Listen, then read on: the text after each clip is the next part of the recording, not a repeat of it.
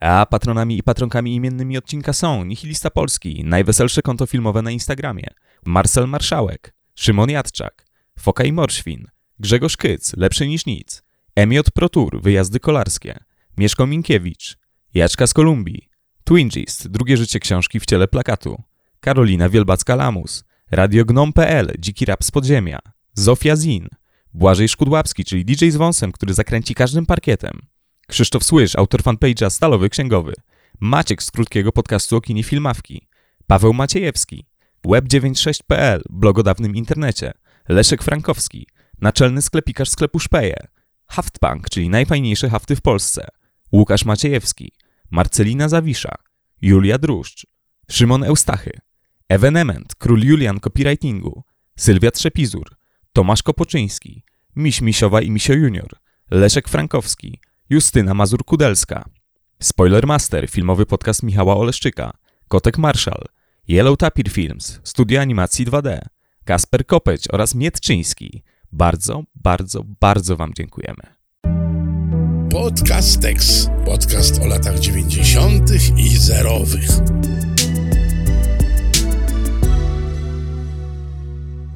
Więc co, będziemy sobie powoli zaczynać. Będziemy zaczynać wyjątkowo, nie od y, dowcipnego pytania, bo nie ma to sensu w tym momencie tak naprawdę. Tym bardziej, że jeżeli drugi nie ma pomysłu na zabawną odpowiedź, to będziemy musieli zaczynać jeszcze raz. Więc tak naprawdę to chyba tutaj sobie zaczniemy od nakreślenia jakiegoś takiego kontekstu, krótkiego. Ja wiem, że to brzmi w kontekście tego podcastu, jakbyśmy mieli tutaj siedzieć 50 minut i słuchać na razie o tam początkach Olafa Lubaszenki, ale nie do końca tak będzie, ale parę słów na temat postaci Lubaszenki e, i na temat jego poprzednich filmów należałoby powiedzieć, prawda? Tutaj pan filmoznawca. O, dziękuję. A. Tak jest. E, powiemy sobie troszkę o Olafie Lubaszence, a właściwie o Olafie Sergiuszu Linde Lubaszence, dlatego że to jest e, full name um, pana, pana Olafa. Um, tak, no w, w, odcinku 20, nie pamiętam już o chłopakach, którzy nie płaczą, troszkę powiedzieliśmy sobie o tym, jak wyglądała droga Olafa Lubaszenki na ten szczyt, jaki właśnie tutaj obejrzeliśmy. na Olimp kinematografii, tak. Tak, tak. Tam, potem już było zejście z tego Olimpu po tym tak. filmie, nie? Nieprzypadkowo, ale potem do, dojdziemy do tego. Natomiast tak, no Olaf Lubaszenko, rocznik 68, wywodzi się z rodziny aktorskiej, syn e, aktorki e, Azji Ałamtiugin, no i oczywiście Edwarda Linda Lubaszenki, który mm, no, zagrał i w Chłopakach, e, i zagrał też tutaj e, Krzysztofa e, Jarzynę ze Szczecina. Ten sam Edward Linde Lubaszenko zagrał w Futrze z Misia, czyli filmie, który powiedzmy jest jakimś takim duchowym spadkobiercą tych, tych filmów e, Lubaszenki i on tam miał jakieś takie, nie zanotowałem sobie tego, ale to nie był Krzysztof Jerzyna Szczecina, ale to był jakiś taki zabawny, prawda, e, zabawna przeróbka tego, tego imienia. E, niemniej, no tak, no, Lubaszenko pochodził z aktorskiej rodziny i zaczął grać bardzo wcześnie, bo już w wieku 13 lat e, zagrał w serialu Życie Kamila Kuranta, zagrał młodszą wersję tytułowego bohatera. E, no i tutaj e, boost rozpoznawalności był spory. To był początek e, lat 80. I do końca tych lat 80. E, Lubaszenko zagrał w niejednym obrazie, dlatego że i był w piłkarskim pokerze, i zagrał oczywiście u Kieślowskiego e, główną rolę w Dekalogu szóstym i w powstałym na jego, na, na, jego podstawie krótkim filmie o miłości. No jest to całkiem niezły dorobek jak na dwudziestolatka, bez szkoły, znaczy wiadomo, że 20 bez szkoły, pewnie po maturze, ale, e, ale tak, no w zasadzie Olaf Lubaszenko był naturszczykiem, który, e, o, o, którym nikt chyba tak dzisiaj nie myśli, że on jest naturszczykiem, nie? Jakbyś tak zapytał, zrobił, nie wiem, czy ty wiedziałeś na przykład e, jeszcze, nie dwa lata temu, zanim zaczęliśmy na podcastach, że Olaf Lubaszenko nie skończył de facto studiów aktorskich pełnoprawnych. Nie pamiętam, ale rzeczywiście jest to aktor, który by się kojarzył mocno z jakąś mocną bazą. No bo tak, no jakie tutaj mamy korzenie. E, wspominałeś o mamie, która też była aktorką. Była, mówię, bo zmarła całkiem niedawno. E, Edward Linde Lubaszenko, no to aktor z dobrą kartą filmową, wiadomo. E, psy parę osób widziało między innymi, e, ale też no, taki ultra krakowski aktor teatralny, nie? To jest jednak ta, taka figura po prostu, która tam się przechadza w płaszczu i tam niskim głosem coś sobie podgaduje, więc jeżeli syn z takich rodziców zaczyna karierę filmową i teatralną, no to strzelamy, no to okej, okay, no to PWST krakowskie albo AT warszawskie i, i, jedziemy. Ale rzeczywiście, tak jak mówisz, no on dosyć szybko sobie zrobił bardzo, bardzo ładne portfolio, mówiąc po kapitalistycznemu i po współczesnemu. E, Kieślowski to jest nie byle co.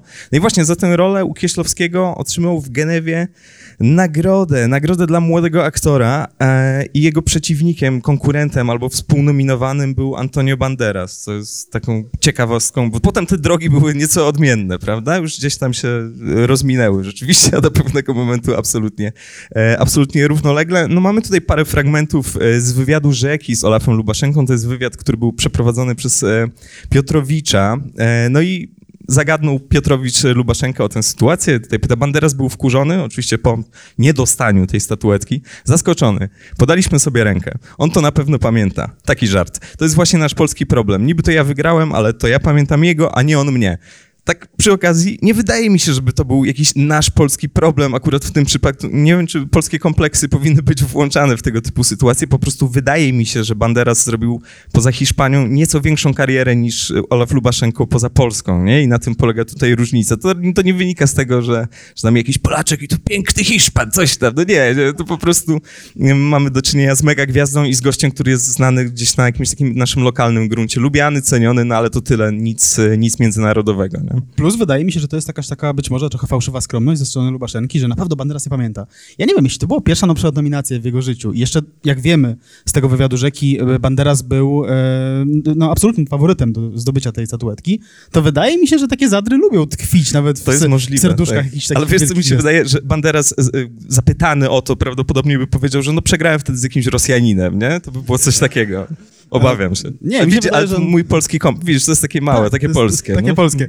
Um, nie, mi się wydaje, że, że, że Banderas e, bardzo maniakalnie śledził całą karierę Lubaszenki e, i być może gdzieś jest na sali na przykład w jakimś, w jakimś przebraniu z wąsami na przykład dodatkowymi czy coś i, e, e, e i wciąż go to boli.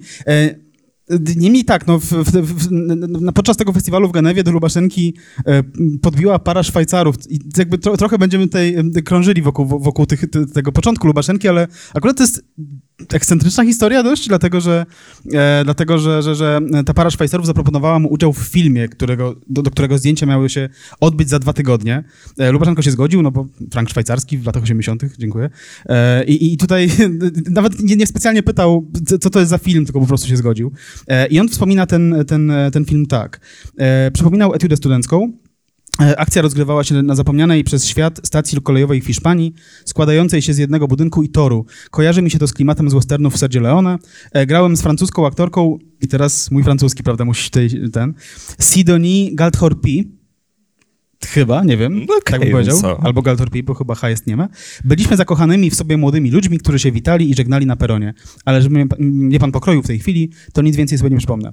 I tutaj Piotrowicz, który przeprowadza wywiad, dość przytomnie zauważył, że ani nie ma wzmianki o takim filmie, y, w którym ten Lubaszenko miał wziąć udział, ani takiej aktorki nigdzie nie ma w żadnej bazie, e, więc, e, więc Lubaszenko też tam poddaje się w tym momencie i mówi, no nie wiem, no może jakaś tam pamięć mi tam zawiodła, ale tak, no to jest jakiś taki kolejny Kolejny z, niemalże z rzędu, no bo mówiliśmy o naszym polskim Lost Media w odcinku o UFO drugim, e, czyli o serialu Kosmici, serialu, który zaginął. Jeśli właśnie ktoś na sali może jakiś nagrał, to, to, to bardzo prosimy o, o przysłanie nam kasety VHS. E, a tutaj jest kolejne Lost Media. Ja bym bardzo chętnie zobaczył tego 19-20-letniego Lubaszenkę mm -hmm. w szwajcarskim filmie. No właśnie ciekawa jest ta historia z Lubaszenką i z tymi zaginionymi. Swoją drogą, gdyby do mnie pod koniec lat 80 e, podeszli jacyś tam tajemniczy Szwajcarzy i by mi zaproponowali, żebym zagrał w filmie, to ja bym zakładał, że to nie jest jakieś, wiesz, kino artystyczne, nie? Ale... Na festiwalu, no. siłowa, ale różni ludzie na tych... Byłeś na paru festiwalach filmowych, wiesz, że różnie bywa, prawda?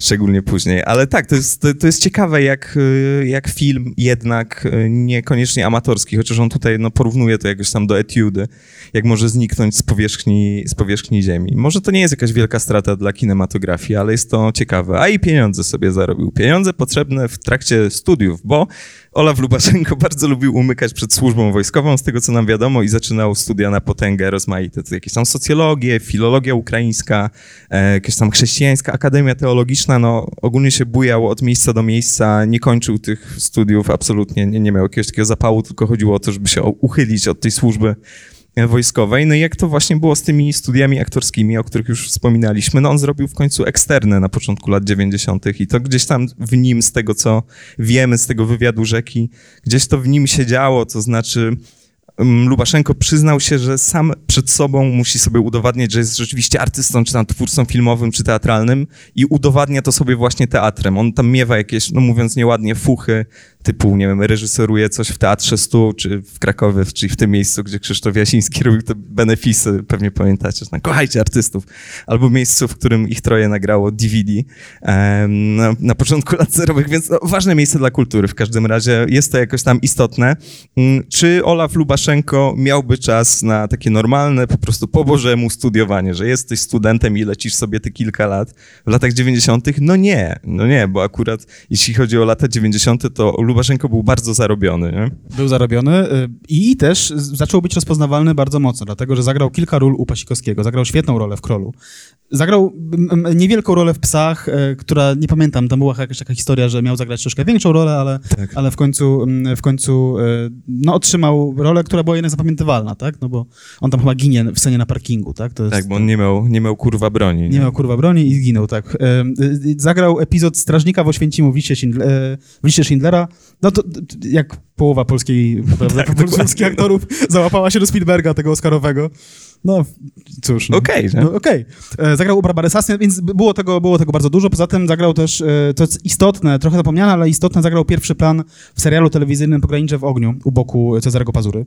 E, więc, więc tak, no, było tego, było tego sporo. Jednocześnie on się dość mocno zahaczył o takie chłopackie, powiedzmy, kino i chłopacką telewizję, tak, no bo i się zakumplował właśnie z Pazurą i o ile wiem, są, są przyjaciółmi do dziś. Zakumplował się z Bogusławem Lindą, no i generalnie tam krążył wokół te, te, tego takiego, powiedzmy, towarzystwa, w którym przez jakiś czas był też Jarosław Jakimowicz na przykład, co widzieliśmy na ekranie, prawda, dzisiaj. E, słucham? Tak, tak, dokładnie. I zagrał w pełnometrażowym debiucie reżyserskim Bogusława Lindy pod tytułem Seszele. Nie widziałem tego filmu, ale według filmu był ta kreacja to koleś, klient burdelu. Więc tak, więc... Więc dało się zauważyć, że rzeczywiście ktoś taki jak Olaf Lubaszenko istnieje. E, był to też, e, była to bardzo charakterystyczna twarz e, i był to no, dobry aktor od samego początku właściwie tak naprawdę, to już, już bez jajec tak naprawdę. Było go tak dużo, że kiedy Juliusz Machulski robił Killera, to tam Lubaszenko zagrał samego siebie, zresztą w sequelu też zagrał samego siebie. W tej pierwszej części zagrał samego siebie, który widzi strzelaninę pomiędzy ludźmi Siary i Lipskiego i pyta, co tu się dzieje. Oni temu odpowiadają y, ironicznie, że film kręcą, a on pyta, czemu ja nie gram. Tak, więc to też jakoś tam świadczy o tym, jaka była pozycja wtedy i jaka była rozpoznawalność Lubaszenki. W drugiej części też miał tam rolę, więc, y, więc tak, no to był gość, który, e, który robił bardzo dużo i którego e, ambicje były bardzo duże, dlatego że nie dość, że grał bez szkoły, to jeszcze dodatkowo y, postanowił sobie, że będzie reżyserem i spoiler, no udało mu się wyreżyserować film kinowy przed 30, co jest w ogóle, co nie udaje się często reżyserom e, po szkole, tak, po szkołach aktorskich, a tu proszę bardzo, gość no nie znikąd, tak, no ale właśnie gość y, jakąś takim własnym uporem dotarł do tego, y, prawda, y, do tej profesji reżyserskiej. Tak, no on chwilkę do tego dochodził, e, sobie terminował po drodze między innymi u Kieślowskiego, więc jakaś tam szkoła i przyglądanie się temu wszystkiemu z boku. No i właśnie tutaj znowu wywiad rzeka, więc po raz 58 to samo źródło, ale ono jest jednak dosyć treściwe i wydaje mi się, że ciekawe. Tutaj Piotrowicz pyta, praca asystenta Kieślowskiego była równie fascynująca jak wcześniej najważniejsze zadania aktorskie? Pyta. Moje obowiązki były, muszę przyznać, dość niewdzięczne, ale potrzebne. Dziś mógłbym powiedzieć, że pełniłem trochę rozbudowaną funkcję gońca. To znaczy, przynieść, podać, pozamiatać. Potrzebne są zwłoki psa, to brzmi jakby Tymon Tymański w ogóle, wiesz, na wiodze. No, oczywiście. Wysyła się po nie takiego asystenta do schroniska na paluchu. Przepraszam, to jest dosyć nieprzyjemne, ale tak było. Trzeba pójść i pożyczyć klasery ze znaczkami pocztowymi. Zleca się takiemu asystentowi, by zadzwonił do Polskiego Związku Filatelistycznego, poprosił o adresy kolekcjonerów i pojechał się z nimi spotkać. Więc tak tak jak mówił, raczej goniec i jeżeli chodzi o, nie wiem, o warsztat y, reżyserski, to mówił wprost, że tak naprawdę niczego konkretnego się tam nie uczył, ale przyglądał się temu wszystkiemu z bliska, to znaczy zauważył, że to jest wszystko sieć naczyń połączonych. Tutaj znowu mówi, zobaczyłem na przykład, jak wyglądają wzajemne relacje między garderobą, charakteryzacją i rekwizytorami, a reżyserem, kierownictwem produkcji i tak dalej. To wszystko jest żywym mechanizmem z pozoru chaotycznym, ale kierującym się bardzo precyzyjnymi zasadami. Jak tutaj stwierdzono, jeżeli reżyser ma papier, to znaczy no kończy tę filmówkę, ale nie zrobił niczego z ekipą, nie pracował na dużym planie, to tak naprawdę jeszcze, jeszcze nie jest gotowy, a on tego typu szkołę przeszedł i to no tutaj jakby raczej taki diapazon poważny nie, nie sięgamy w, w podcasteksie, ale no jednak u wielkich mistrzów, nie? To znaczy ja w ogóle uważam, że te trzy kolory to jest pretensjonalne strasznie, ale to nie jest tak, że Kieślowski nie potrafił kręcić filmów naturalnie i że pan Andrzej Wajda, bo nie mówimy na ty oczywiście, nie jest to nasz kolega, y, no też potrafił i też zdecydowanie tutaj warsztatowo w okolicy mistrzowskie gdzieś wędrował. No tak, no Lubaszenko w latach 90. zaczynał od jakichś takich, powiedzmy, rzeczy pomniejszych, krótkometrażowych, nie wiem, ekranizacje opowiadań Andermana, był Teatr Młodego Widza, tam na podstawie tekstu Anny Onichimowskiej zrealizował taki spektakl jak Małgosia. Tam już się pojawiają jacyś aktorzy, którzy gdzieś tam no, byli w obiegu i będą w obiegu jeszcze później, na przykład Artur Żmijewski, Ewa Gawryluk. No i jakoś no, spodobało się panu Olafowi. No rozsiadł się na tym fotelu, mówił o tym wprost, że jakby ta praca na detalach, to ogarnianie całości, tak, pozornie chaotycznej, to jest coś, co go bardzo, bardzo kręciło. I tak jak powiedziałeś, no jeszcze przed 30, czyli w roku 97 swoją premierę miał film Sztos, czyli ten pełnometrażowy debiut e, Lubaszenki. No i spory hit, dosyć charakterystyczny film. To, może to nie jest wybitne kino, ale hej, no jesteśmy po poranku Kojota, więc mamy oczywiście to inaczej poustawiane, ale ma swój jakiś taki sznyt, to właśnie to takie cwaniactwo, jakieś takie mrugnięcia w stronę jakiejś takiej szulerki i wiadomych filmów, zresztą Nowicki tam jest nie przez przypadek, no to jest na pewno rzecz warta, warta uwagi i na pewno też rzecz, która się wtedy bardzo, bardzo spodobała. Krytykom całkiem, publiczności bardzo. To nie będzie reguła, jeżeli chodzi o późniejsze filmy Lubaszenki. Raczej tutaj te sympatie będą podzielone, ale Sztos w miarę, w miarę ładnie, a nawet bardzo ładnie wszedł. Tak, no Sztos to jest przykład filmu, który no, został polubiony przez publiczność szeroką, jak zresztą też parę kolejnych filmów. E, został też polubiony przez krytykę taką prasową, jako ostatni film Olafa Lubaszenki, który, który to spotkało, tak? No bo nie przypominam sobie żadnego innego kinowego filmu Lubaszenki, który byłby jakoś doceniony. Krytyka wręcz próbowała czasami ignorować, powiedzmy, niektóre, niektóre z jego dział. E, dzieł, przepraszam, e, dział też, dzieł, e, ale no, one oczywiście tam zyskały sobie jakiś tam poklask e, poza oczywiście środowiskiem krytycznym. E, no i jest w sztosie kilka takich charakterystycznych już, już cech dla kina Lubaszenki. E, no oprócz tego, o, o, o, czym powiedziałeś, czyli takim cwaniactwie, chociaż to cwaniactwo troszkę wygląda jeszcze inaczej, tak? To jeszcze nie jest, to jest ten niedogotowany Lubaszenko jeszcze. On, niedoko, on już z, z, zrobił coś fajnego, ale to jeszcze nie chwyciło na tyle mocno, na, na ile mogłoby chwycić i chwyci dopiero za 3 lata. Natomiast, e, natomiast no, przede wszystkim widać tutaj Lubaszenkę po wyborach obsadowych, no bo na pierwszym planie mamy Pazurę, Mamy Janusza Józefowicza, który też się przewinął w poranku Kojota. Mamy Leona Niemczyka, jak wyżej. Michał Milowicz, wiadomo. E, Tomasz Dedek też był w poranku. E, Mariusz Czajka, no był Chłopaki nie płaczą obsadził też ojca. E, mamy też bohatera o ksywie Grucha. No i no, no, tak, no, działo się tam rzeczywiście e, dużo. Było dużo cameosów też, które są też mega charakterystyczne. Przy czym tutaj widzieliśmy bardzo dużą reprezentację, powiedzmy, PZPN-owską e, i, i piłkarską. E, a tutaj w, w Sztosie była raczej taka muzyczna. Był Kodym, był Derry Glasow, był, był Stokłosa, e, był Saleta też, który wtedy próbował w kinie, prawda? W tym samym roku zagrał w Młodych Wilkach jedna druga. Tak. No i też jest charakterystyczna rzecz dość mocno, jeśli chodzi właśnie o taką chłopackość Olafa Lubaszenki, czyli taka kilkunastosekundowa rola Nikosia, gangstera Nikosia, z której to roli e, znaczy z tego wyboru obsadowego później Lubaszenko się grubo tłumaczył. E, no i tam powiedział między innymi tutaj, on, on się rzeczywiście tłumaczy przez, przez dłuższy czas w wywiadzie rzece z tego, e, ale tak generalnie mówi, że, że, że, że mm, no był młodym chłopakiem, nie za bardzo wiedział jak się tam odnaleźć, był też z dobrego domu i tak dalej. Tutaj taki gość jak Nikoś mógł zrobić wrażenie na, na kimś takim jak, jak, jak Olaf Lubaszenko.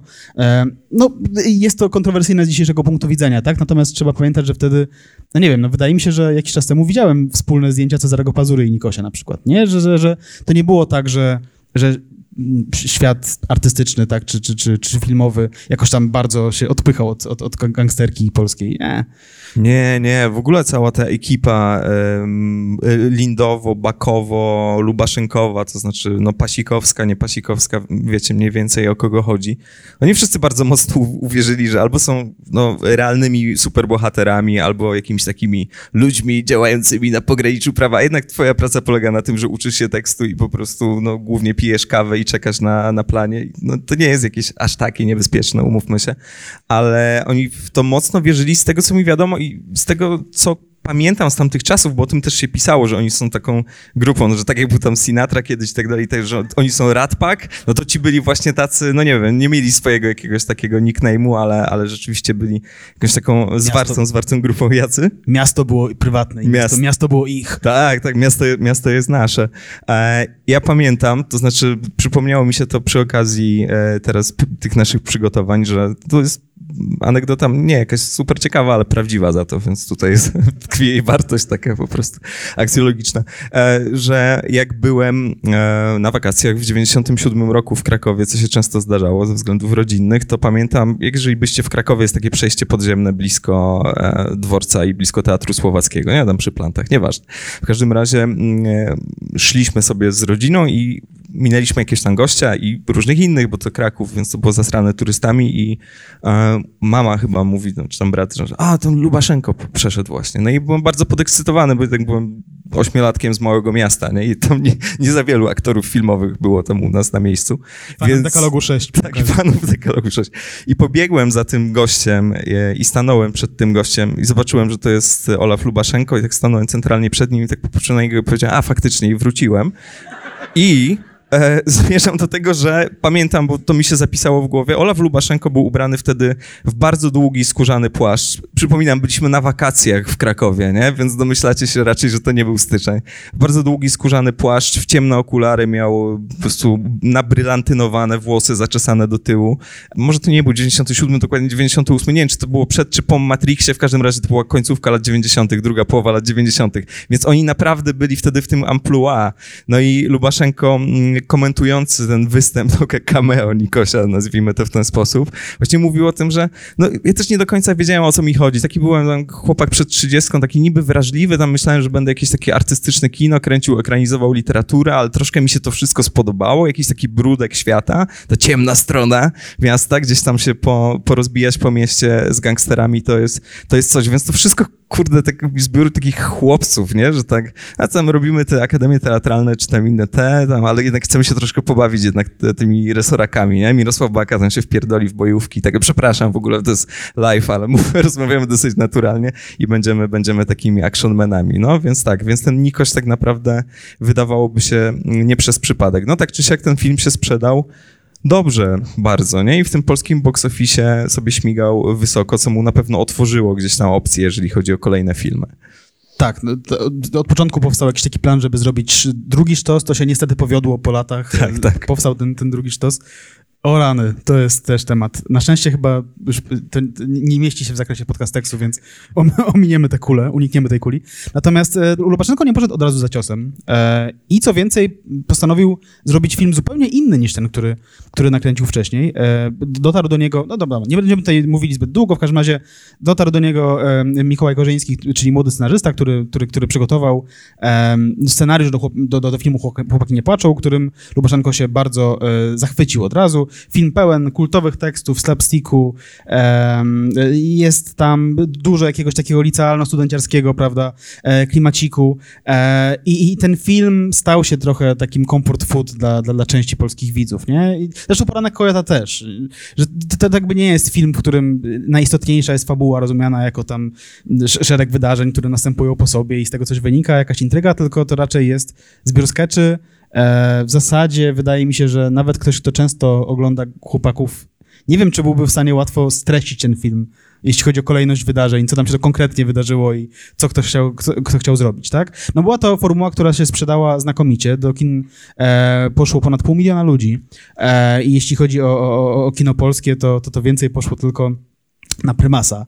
E, trzy lata z tysiąca. Ja też byłem z mamą. To był tak, był plakat widoczny też, tak się zwróciliśmy uwagę, czy to nie jest, czy to nie jest ironiczne w poranku Kojota, że jednak ten prymas tam, e, tam go przebił. No oczywiście prymas przebił go też pewnie tym, tym zwyczajem, że szkoły poszły na prymasa.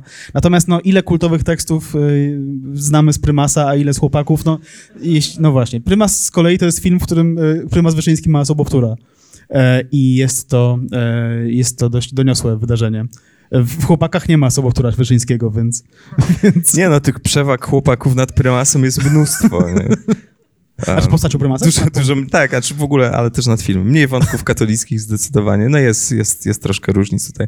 No nie chodziło się ze szkołą na chłopaki nie płaczą, nie? Chyba, że ktoś do prywatnej chodził, to tam pewnie mogli wybrać, czy Ja byłem czy na na nigdy w życiu szko- ze szkołą, wiesz? Na nigdy w życiu? Tak, tak? No wiesz, no. to ekranizacja literatury, więc sorry. Odhaczone, nie? Niemniej tak, no znowu tutaj mamy mnóstwo, kameosków, tak, e, muzycznych, Kuba Sienkiewicz, e, sportowych też tutaj już pojawiają się osoby związane ze środowiskiem piłkarskim, jest Janusz Wójcik, e, jest Grzegorz Skrzecz, który też wtedy się pojawił. No i tak, no stały, stali się chłopaki filmem absolutnie kultowym, filmem, który próbowało właśnie zignorować krytyka, krytyka taka oficjalna, krytyka prasowa. Nie udało się to zupełnie, no bo t- t- wtedy było trochę takich filmów, na przykład Matrix też był takim filmem, który jak się zerknie, zajrzy do, do, do pierwszych recenzji Matrixa, rok 99, to, to, to, to one są jakieś takie, e, no, blockbuster, nie wiem, nie? I potem się okazało, że film jest y, istotny, więc krytycy trochę do niego wrócili, nie? I z chłopakami było tak samo, przy czym kiedy dzisiaj czyta się teksty o chłopakach, to raczej to są teksty pisane przez, przez, przez młodych polskich krytyków, e, a, a, a ci powiedzmy po 50, o, znaczy ci, którzy mieli, byli, mieli ponad 50 lat, nie załapali się powiedzmy na, tą, na, to, na tę zajawkę, co absolutnie nie dziwi, nie? No bo trzeba było być w odpowiednim wieku, żeby, żeby, żeby chłopaki podeszli, nie? Wiek emerytalny tutaj nie był wskazany. Tak, tak, tak. No trzeba być w odpowiednim sta- stanie e, ducha. E, no rzeczywiście, no co, w, najlepsza komedia e, roku, prawda?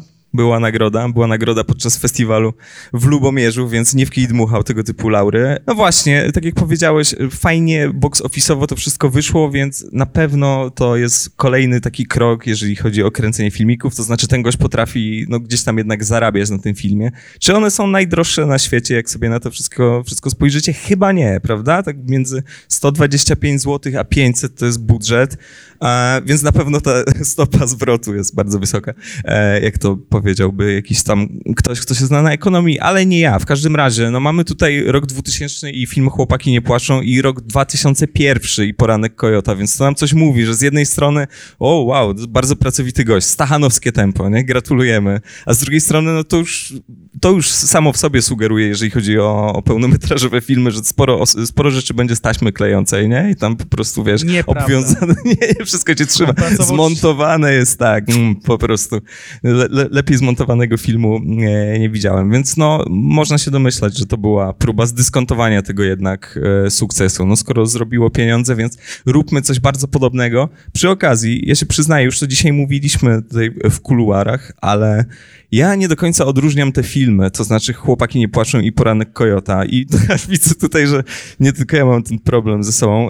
Oczywiście tak, wiem, wiem co oglądałem, co oglądaliśmy wspólnie, natomiast gdybym miał tak od strzała powiedzieć, to która scena jest, gdybym dostał jakąś taką rozsypankę, to bym sobie nie poradził. Na przykład jak wybieraliśmy film tutaj proponowaliśmy Zamkowi, żeby to był Poranek Kojota, tak sobie myślałem, no spoko, no bo o chłopakach już nagraliśmy, a Poranek Kojota to jest ten, gdzie jest tam em, brat Jana Klaty i, jest ten kaktus i Mariusz Czajka mówi, na chuj mnie ten kaktus, by, by, by. A to nie, to, to jest film Chłopaki nie płaczą, nie? Więc mimo, że nagraliśmy o nim, to ja tak myślałem, że to jest w tym filmie.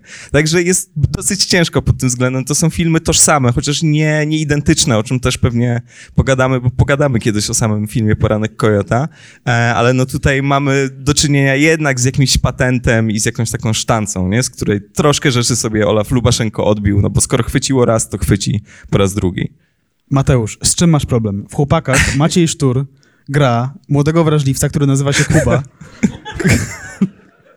który jest y, wrażliwcem, ale wie czego chce, który poznaje dziewczynę i jest tam motyw kopania grobu dla tego bohatera, tak? W poranku czy tym, tym, tymczasem Maciej Sztur gra bohatera o imieniu Kuba, który jest młodym wrażliwcem, który wie czego chce, który poznaje dziewczynę i też tam jest y, kopany grób dla, dla, dla niego. Tak jest. Czego nie rozumiesz? O, wiem, no. tym, o tym właśnie mówimy. O tym właśnie mówimy. Tak, no y, rzeczywiście ten, ten, ten film powstał dość ekspresowo. No tutaj y, y, Lubaszenko sam przyznawał w wywiadzie rzece, że, że, że no, to, to była ewidentna próba zdyskontowania właśnie powodzenia e, chłopaków. E, pierwsze wzmianki o tym filmie pojawiły się już w sierpniu roku 2000, czyli w zasadzie wydaje mi się, że mogły być jeszcze kina gdzieś w Polsce, które puszczały chłopaków i już były pierwsze wiadomości o tym, że powstanie poranek Kojota.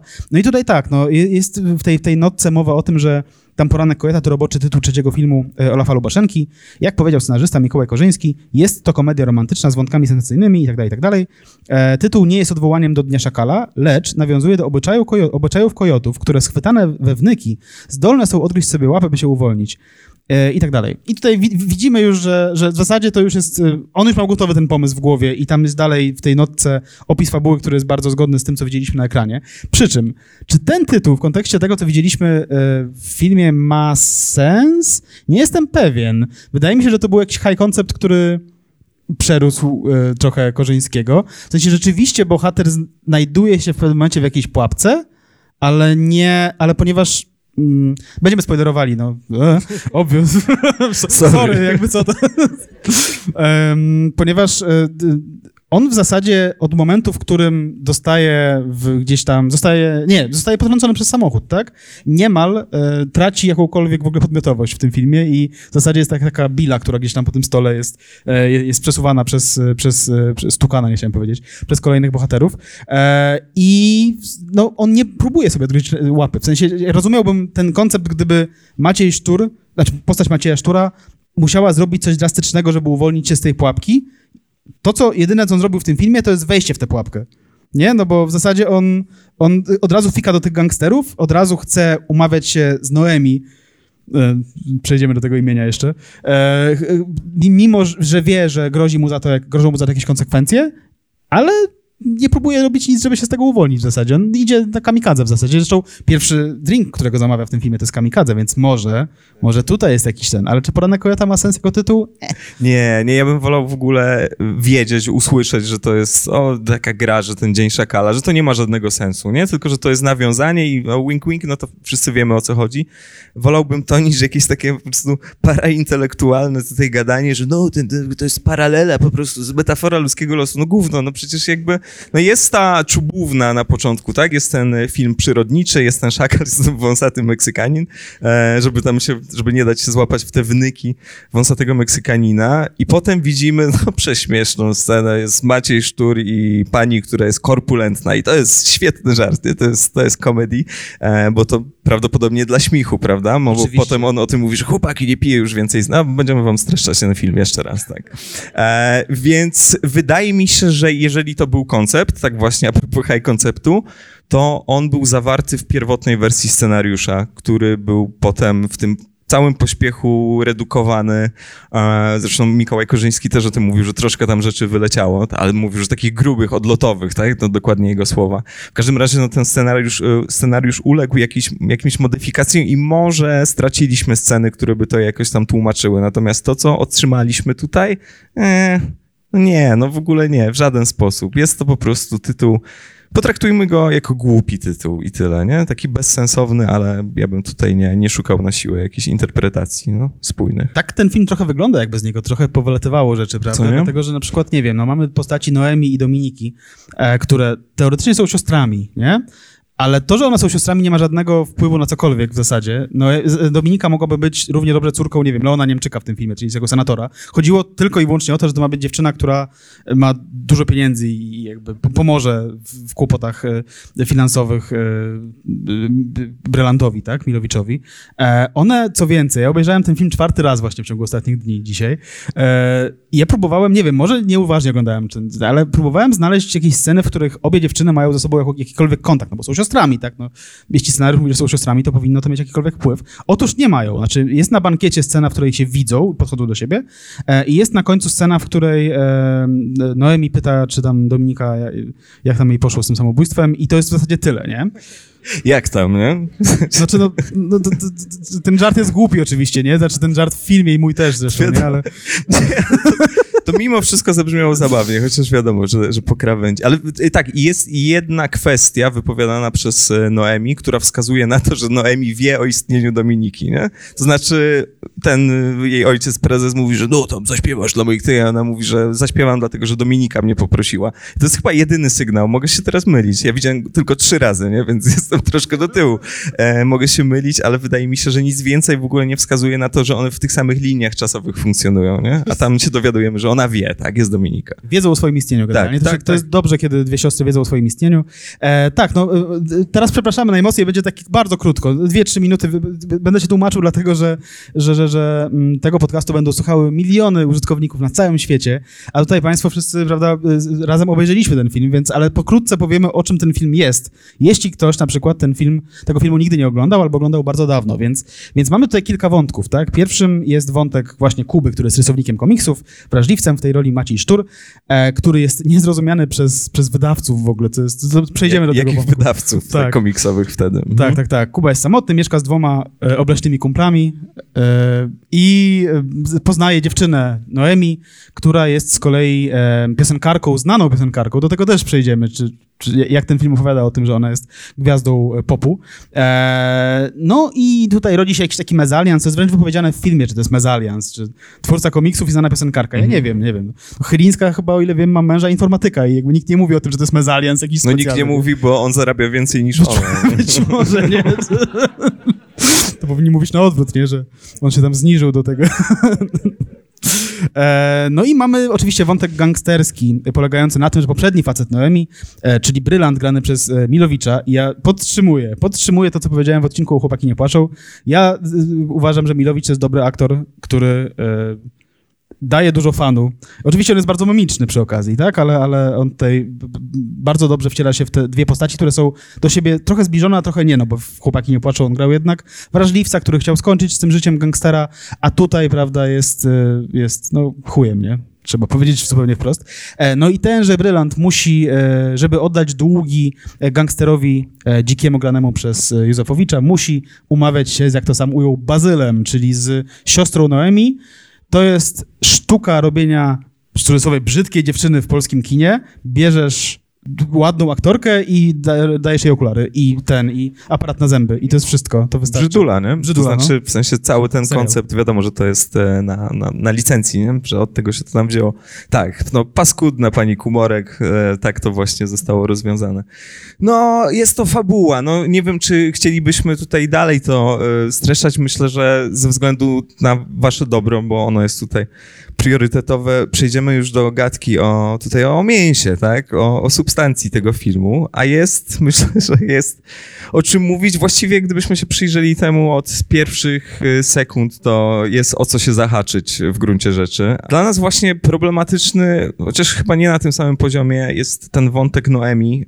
Rozmawialiśmy o tym y, przed, y, przed seansem i możemy tutaj dotrzeć do paru rzeczy, to znaczy ona jest faktycznie prowadzona jak postać e, celebrycka, tak? Oni piszą w jakimś tam tabloidzie. Nie pamiętam, jak się nazywa, jakiś tam dowcipny tytuł był, już nie pamiętam. Typu Świat Ziemi, ale to nie było to. E, ona jest e, na billboardach, ona wydaje płyty, ona właśnie no, popełnia mezalians, wchodząc w związek z kimś, kto nie jest celebrytą, coś tam. A z drugiej strony gra w jakimś... Dobra, to jest koncert klubowy, to, ta wczesna sekwencja. Okej, okay, tam są ludzie, którzy przyszli y, posłuchać właśnie jej i tam jest jakiś neon Noemi, więc to nie jest aż tak na takiej totalnej biedzie, ale ona schodzi i tam jest awaria prądu i nikt nie jest w stanie jej pomóc i ona się żali w ogóle, że tej, w tym klubie są szczury, to w końcu gdzie ona? Ja wiem, że w Polsce jak w lesie i tak dalej, ale powiedzmy, że ta taka bardzo popularna piosenkarka niekoniecznie gra w jakiś, y, znaczy my też jesteśmy w Centrum Kultury, ale niekoniecznie gra po prostu w MDK-u w Bochni, nie? Tylko gdzieś tam w jakiejś proksimce, tak? Czy, czy, czy tego typu rzeczy. No, zatrzymaliśmy się też na tym, bo, bo tam jest mowa o tym, że ona idzie do domu i ten gość pyta, gdzie?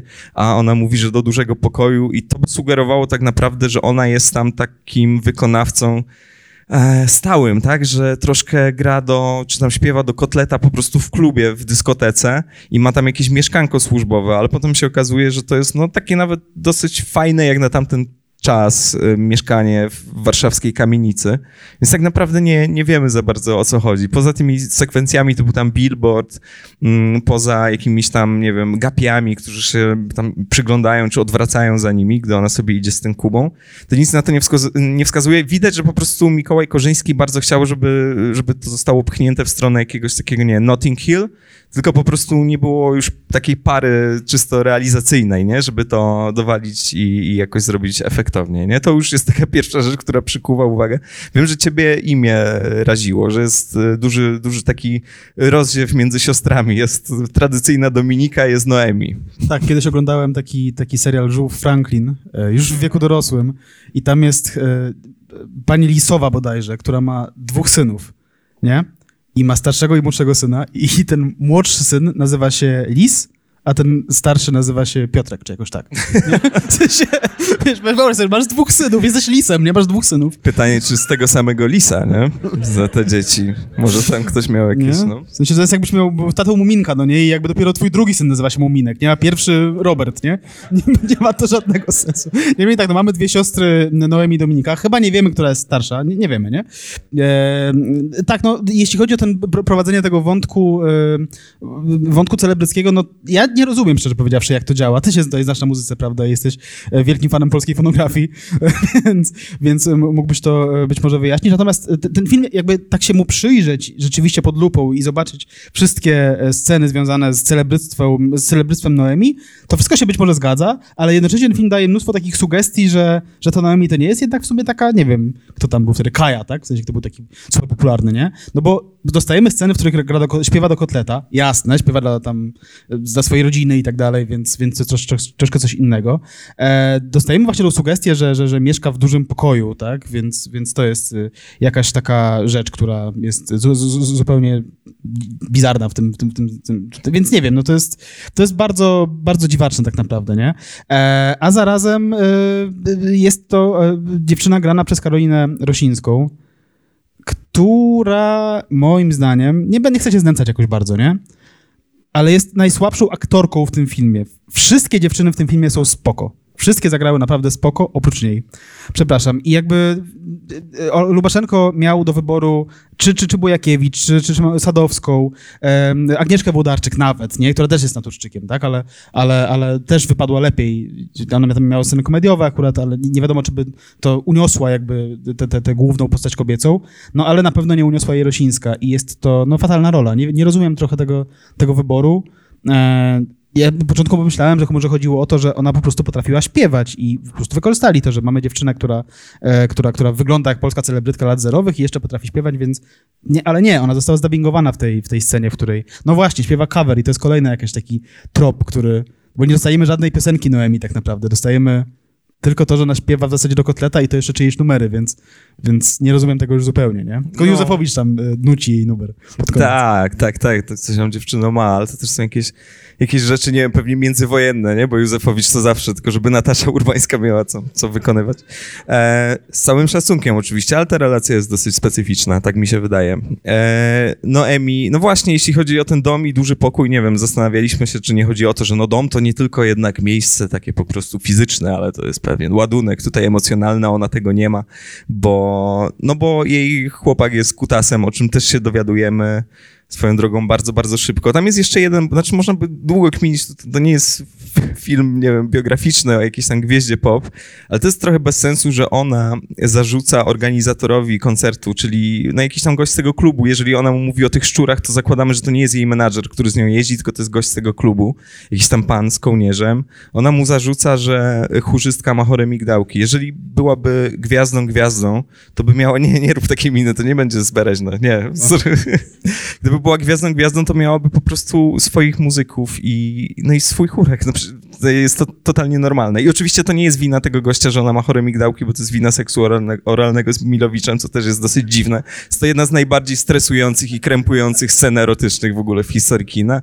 Nie wiem, czy zauważyliście, ale Milowicz się tak po prostu w tym filmie raz na 30 minut rucha, nie? To film ma półtorej godziny, to jest tak 30, to znaczy początek 30, 30 i tak dalej. Więc no dużo, dużo jest takich rzeczy, które się tutaj nie zgadzają, ale oczywiście to, to nie jest aż tak y, doniosłe, jak to, co się dzieje tutaj z głównym y, męskim bohaterem i z jego działaniem w branży komiksowej, nie? No bo to, to, to rzeczywiście zahacza już o, o rejony jakieś takie sci-fi i nie tylko chodzi o to, że musimy na tyle zawiesić niewiarę, żeby po prostu stwierdzić, że to, ta postać kobieca, którą narysował, która jest na jednym z tych kadrów, że ona jest faktycznie podobna do Britney Spears, bo w ogóle nie jest, nie? Po prostu jest to niedogadane, jakby scenariusz i, i rysownik, do czego zresztą Bartek dotarł, pewnie za chwilę o tym powie, nie dogadali się tutaj zupełnie, ale nie, jednak bardziej intensywne jest to, że ktoś tam w 2000, w roku 2000 albo w 2001 młody rysownik komiksowy ma wydawcę, ma kontrakt, i w ogóle nie może się dogadać z wydawcą, w ogóle z kim, to jest, to jest dziwne. Tak, to co może tak bardzo krótko powiem, że siedzę w środowisku komiksowym od kilkudziesięciu lat i jeśli chodzi o polski komiks i sytuację polskiego komiksu okolic, powiedzmy, przełomu dekad 90 zerowych, to było bardzo źle, nie, może, nie było z tego żadnych pieniędzy, chyba że, no właśnie, ktoś złapał jakąś fuszkę typu, typu jakieś tam storyboardy, tak? Natomiast nie było wydawców, wydawcy pojawili się dopiero później, e, polskiego komiksu niezależnego. E, jeśli już ktoś był wydawany, to raczej to był Papcio Chmiel, który robił jakieś rzeczy typu Tytus i Bziko gotyki, gdzie Tytus tak, Tytus był naprawdę tam leciał na okładce na jakimś takim w ogóle kwiecie maku, tak, i tak dalej, więc, więc no działy się tego typu rzeczy, natomiast jeśli chodzi o młodych twórców, takich jak tam właśnie Kuba z tego filmu, to nie było szans. Natomiast e, byłem dość ciekaw, kto wykonał te plansze komiksowe, które tam są pokazane, plansza komiksowa do e, Tajemnicy Człowieka bez twarzy, tak, e, i jak rozmawiałem o tym ze znajomymi ze środowiska komiksowego, to i mi też tak wydawało, że to był Przemysław Truściński, taki dość znany, znany polski rysownik. E, natomiast okazało się, że, e, znaczy sam Truściński, e, udało nam się dotrzeć do niego przez Szymona Holzmana, pozdrawiamy, czyli, czyli, czyli też wydawca właśnie komiksowego dzisiaj. I, i, I okazało się, że to był Adrian Madej, to był gość, który, który w swoim czasie, no, no w ogóle gość ze świetną kreską, tak, co zresztą też było widać w poranku Kojota. Gość odpowiedzialny przede wszystkim za taką dość znaną historię fantazy Misja. No i tam porozmawialiśmy trochę z, z Adrianem Madejem, okazało się, że ta, to, to, było takie jedno z wielu zleceń, które wtedy po prostu komisiarze przyjmowali e, i, i, i e, bardzo tam miło było na planie i tam producenci nawet poprosili go o to, żeby skoro może już tu jest, już narysował te plansze do komiksu e, filmowego Kuby, to może jeszcze by tam walnął jakieś tam gołe dziewczyny na ścianie czy coś. I to też widzieliśmy na, w, w mieszkaniu tak, chłopaków, że, że tam rzeczywiście jakieś są rysunki na ścianie. I to też był Adrian Madej, tak, więc udało nam się rozwiązać tę zagadkę, prawda, I, ale też sam Adrian Madej był bardzo zdziwiony, kiedy, kiedy udało nam się do niego dotrzeć, że ktoś w ogóle go o to pyta, tak, że jakiś, jak, jakaś fuszka sprzed 20 paru lat, nie? Mm, nice. Zapraszamy tutaj. Myślisz, że to takie łatwe? Nie, żarty. Eee, Żart, żart. E, oczywiście, tak. No właśnie, skoro mówimy o tej brunetce, która wygląda jak Britney Spears i tak dalej, i ona mówi, Jezus, co, co odpowiada ta postać grana e, przez Bujakiewicz? Że on totalna załamka, czy coś w tym guście, nie? Czyli znowu powiedzielibyśmy, o, 70-latek pisze teksty dla nastolatki, ale nie, pisał to mówi... Mikołaj Korzyński przed 30, nie? Zanotowałem to. O? Niezła załamka koleś. Niezła załamka koleś, no. już jesteśmy w reklamie chrupek Starfoods, nie? Już po prostu jakiś tam starzec w agencji reklamowej robi, robi cool rzeczy. E, więc tak, więc to jest jedna, jedna z wielu takich rzeczy, no ich jest mnóstwo, tak, bo mówiliśmy o tym wątku właśnie takim Noemi Kuba romantyczny, jest ten wątek paragangsterski, powiedzmy, chodzi o pieniądze, e, chodzi o potencjalny spadek, czy tam posag związany z Dominiką i mamy, no gdzieś tam w pewnym sensie przecinają się te linie poprzez postać Brylanta i nie tylko na tej imprezie, właśnie nam z okazji jakiegoś tam dealu, powiedzmy okołorządowego, z okazji tego rautu dla senatora Stanisława Polaka. I powiemy na pewno parę słów na temat tej imprezy, ale jeżeli chodzi o interakcję Noemi e, i Kuby, e, jest to dosyć niezwyczajne. Zacznę od rzeczy przyzwoitych. Mianowicie, e, Kuba chce z tego przybytku, jak pewnie pamiętacie, uciec, bo go goni człowiek małpa, tak? Sławomir Sulej, e, bodyguard tego prezesa. No i jest ciężko, on nie zna tego pomieszczenia, musi znaleźć drogę w końcu trafia na ten balkon, rozmawia z Noemi, nie wie kto to jest, nieważne na ile to jest prawdopodobne, jeżeli była wielka gwiazdą, o tym można by jeszcze porozmawiać, ale on wie, że ona zna to pomieszczenie, znaczy ten budynek i no ja chcę się stąd wydostać, bo oni mnie gonią i tak dalej, i tak dalej. Wydostać z budynku. I jaką receptę ma dla niego Noemi? Poczekaj na mnie na dole, nie? Kumacie, w sensie on chce znaleźć wyjście z tego domu, a ona mówi, to wyjść na parking. Ale w ogóle czemu, czemu, czemu Łubaszenko podjął decyzję, żeby on po prostu nie wyskoczył z balkonu? Przecież to nie byłoby aż No tak tak, no drogie, bo też pasowało gdzieś tam do Tak. konwencji, nie? Że on No. tam spada dupą na krzaki i są znowu jajca, schodach. nie? Ale wiesz, no jeżeli ktoś powie, jestem oblężony, to jest twierdza, musisz z niej wyjść po prostu, nie? To jest wszystko w twojej głowie, to jest jakaś, jakaś tego typu sytuacja. Więc Noemi daje mu tą dobrą radę, a potem siada mu na twarzy, prawda? W wyniku e, zabawnego splotu wypadków. I to jest kolejna mm, z bardzo krępujących scen erotycznych w tym filmie, no. Tak, tak. No, no, Olaf Lubaszenko kilkanaście lat wyprzedził wszystkie memy i, o, o siadaniu na twarzy. Ja nie wiem, znaczy dobra, no wie- wiesz, że jestem bardzo liberalnym gościem i nie wiem, jeśli obie strony tego chcą, one Mhm. mhm. super i tak dalej. W tym filmie oni się znali od jakichś 4,5 minuty mniej więcej, nie? I ona podjęła tę decyzję bardzo, bardzo żwawo, nie? Więc yy, i w ogóle bez zastanowienia takiego, po prostu była pierwsza rzecz, która jej przyszła do głowy w tej sytuacji, kiedy, kiedy ma obcego gościa pod swoim samochodem, nie? To jest pierwsza rzecz, od razu trzeba szybko działać, no bo gangsterzy są na tropie, tak? Więc, więc tak. Czego ona, czego ona tam szukała na tym chodniku? Yy, Soczewek, bo Soczewek. soczewki są w ogóle tym trzecioplanowym bohaterem tego filmu przynajmniej, nie? No właśnie, no właśnie. Tak, no, y, ten romans y, może by i zadziałał, gdyby y, Karolina y, Rosińska y, była tak z dobrą aktorką jak Maciej Szczur. I w ogóle ja muszę powiedzieć, że jeśli coś jest rzeczywiście udane, no bo państwo też się śmialiśmy, my też się śmialiśmy, tak, to nie ma żadnej siary, że, że, że to jest czasami zabawny film i, i tak dalej. Natomiast y, mam takie wrażenie, że jeśli coś się udaje Lubaszence w tych filmach, to jest właśnie obsada i to jest bardzo często tak, że, że, że dialogi zupełnie nie są zabawne, gdyby się po prostu tak przeczytał, ale aktorzy bardzo dowożą, tak? To, co robi Tomasz Dedek w tym filmie, to jest w ogóle coś niesamowitego. Tom- Tomasz Dedek, czyli, no właśnie, tutaj ten pan, którego widzi, widzimy, tak? No, słuchacze nie widzą podcastu, ale, ale gość, który był, e, prawda, prawą ręką e, Józefowicza, on właściwie dowodzi i perfekcyjnie każdą kwestię.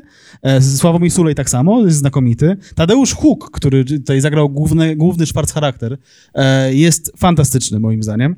E, I gdyby tutaj zaszły jakieś pomyłki pra- prawda, obsadowe, to to by wybrzmiało dużo gorzej. Natomiast jeśli taka pomyłka obsadowa się wydarzy i moim zdaniem tutaj niezbyt szczęśliwą decyzją było właśnie obsadzenie w głównej roli kobiecej pani, pani Rosińskiej, to y, mamy dramat i mamy momenty w filmie, które tak zamulają i są tak niewiarygodne, że człowiek się zaczyna bawić telefonem, nie? Tak, no chciałoby się nie być złośliwym, ale to jest to taka scheda 90sowa, mam wrażenie, właśnie ta obecność Karoliny Rosińskiej. No bo rozmawialiśmy oczywiście przy okazji psów o, twórczyni roli Angeli. W sensie, no, jest to trend z lat 90. Nowe twarze, niestety to często dotyczy aktorek, oczywiście nie tylko, ale nie wiem dlaczego aż tak nie stawiano na dobre, wykształcone, nie wiem, sensowne aktorki wtedy, tylko o, szukamy nowych twarzy, weźmiemy tam, nie wiem, modelkę. Z całym szacunkiem dla Karoliny Rosińskiej. Na pewno jest w ogóle super osobą i szlachetną i w ogóle i atrakcyjną, ale rzeczywiście to jest stolarnia, nie? To, to w przypadku, wspomniałeś o y, Agnieszce Włodarczyk i powiedziałeś coś tam, coś tam, że tam Bujakiewicz, że spoko, spoko, nawet Agnieszka Włodarczyk. No i to się zgadza, bo Agnieszka Włodarczyk podpada pod kategorię nawet aktorsko, bo ona robiła dużo bardzo złych, złych rzeczy tak warsztatowo i też jest z tego klucza nowa, ciekawa twarz, ale niekoniecznie gra. A tu, tak jak powiedziałeś, trzeba to, trzeba to dowieść. E, Dedek się naturalnie sprawdza, tu się zgadzam. Ja mam problem trochę z hookiem w tym filmie, to znaczy wydaje mi się, że jeżeli chodzi o Tadeusza, Tadeusza Huka, Po to, imieniu powiesz. to, na, to na jego, nie, nie, nie, absolutnie. E, to tutaj na jego przykładzie bardzo mocno wychodzi to ciśnienie Korzyńskiego na to, żeby pisać kultowe teksty. Wiecie, to w, w chłopakach bardzo dobrze słychać i widać, że a, okej, to jest planowane na bycie kultowym tekstem, tak? To jest takie tarantinowskie, to ma być Guy Ritchie, to coś tam, coś tam.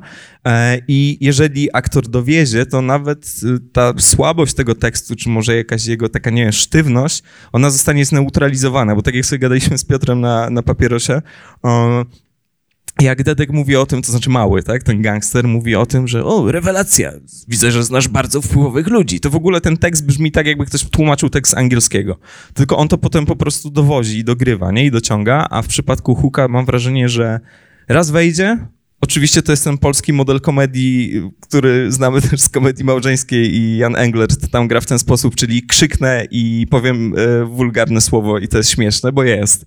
I jak mówi o tym, że chyba wam się trochę coś tam popierdoliło tam w końcówce, to jest to śmieszne. W paru sytuacjach to jest śmieszne. Jak mówi o tym świeżopie, moim zdaniem to jest takie o Jezu, bardzo chcieliście, żeby to był ten tekst, który zostanie wśród ludzi, nie? Że co to kurwa jest świeżo, czy coś w tym guście, ale nie, to, to, to nie działa, to odpada. Więc z tym hookiem to mam takie, że, a, że czasami się z tym tekstem męczy. To jednak bardzo teatralny aktor, może faktycznie niewykorzystany w kinematografii, e, gdzieś mocno, mocno w żarty w to środowisko teatralne, ale tutaj jest tak różnie. Właśnie, jeśli chodzi o, o komedię, i tu rzeczywiście mamy chyba podobne odczucia, sądząc po, po waszych reakcjach. E, kto tam dowozi poza wspomnianymi? E, Janusz Józefowicz. E, to jest, znaczy w ogóle wątek Lindy Lubaszenko, Józefowicz, tam Krzysztof Jarzyna i ten, Dziki, to jest znakomite. To znaczy, jeżeli była i dalej jest bardzo często beka z Olafa Lubaszenki, że no, polski Guy nie? Guy po roku w Sieradzu, tam jakieś tego typu rzeczy, to w tamtych momentach są najbliżej, na przykład, nie wiem, jak Krzysztof Jarzyna i, i Dziki grają w, tam, w Macao, czy coś w tym guście. Jeżeli chodzi o dynamikę, jeżeli chodzi o tempo, jeżeli chodzi o rozkładanie akcentów, tak czysto aktorsko, to mam wrażenie, że tam są najbliżej jakiegoś takiego właśnie, okej, okay, to jest dobra komedia gangsterska, czy coś w tym guście, Guy Ritchie, coś tam, tarantinowskie jakieś rzeczy.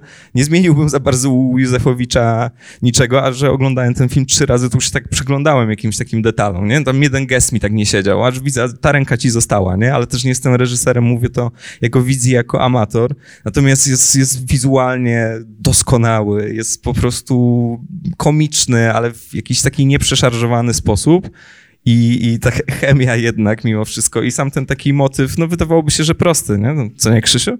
A, I Lindę Lubaszenko, który milcząco to potwierdza. Jest to jedna z najlepszych rzeczy, tak, tak też czysto warsztatowo, nie? Jest to cholernie, cholernie śmieszne dla mnie. Tak, on się bardzo dobrze odnalazł w ogóle w tej konwencji Lubaszenkowej. Ja jeszcze wracając może na chwileczkę do Huka, mi się e, podoba Huk tym bardziej, że on miał dość skomplikowaną rolę do zagrania, o dziwo w tym scenariuszu, tak? No bo to jest gość, który musi trzymać cały czas ten fason i musi być cały czas spięty i napięty i tam zresztą są też takie, takie oczywiście gdzieś tropy, że, że, że on jest nowobogacki i tam słucha tych, tych książek motywacyjnych, znaczy tam y, w amerykańskim filmie to byłyby taśmy motywacyjne, tak, których słucha bohater na przykład w samochodzie.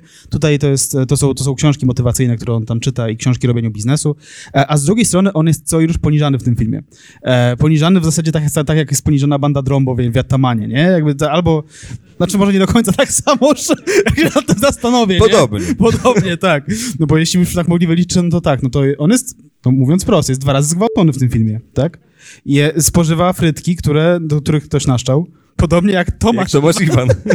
Tomasz Iwan, tak, za którymś razem, jak obejrzałem ten film, zwróciłem uwagę na to, że właśnie, no, cameo ma piłkarz Tomasz Iwan w, w, w poranku i tenże Tomasz Iwan, jak, jak, jak to było w ogóle, nie? Że na przykład jesteś Tomaszem Iwanem, przychodzi do ciebie Olaf Loboszenko, mówi, że no w sumie bardzo podziwia twoją karierę i tak dalej, i że chciałby ci z tej okazji y, załatwić rolę w filmie super, bardzo się jaram, Olaf, ty co to za rola?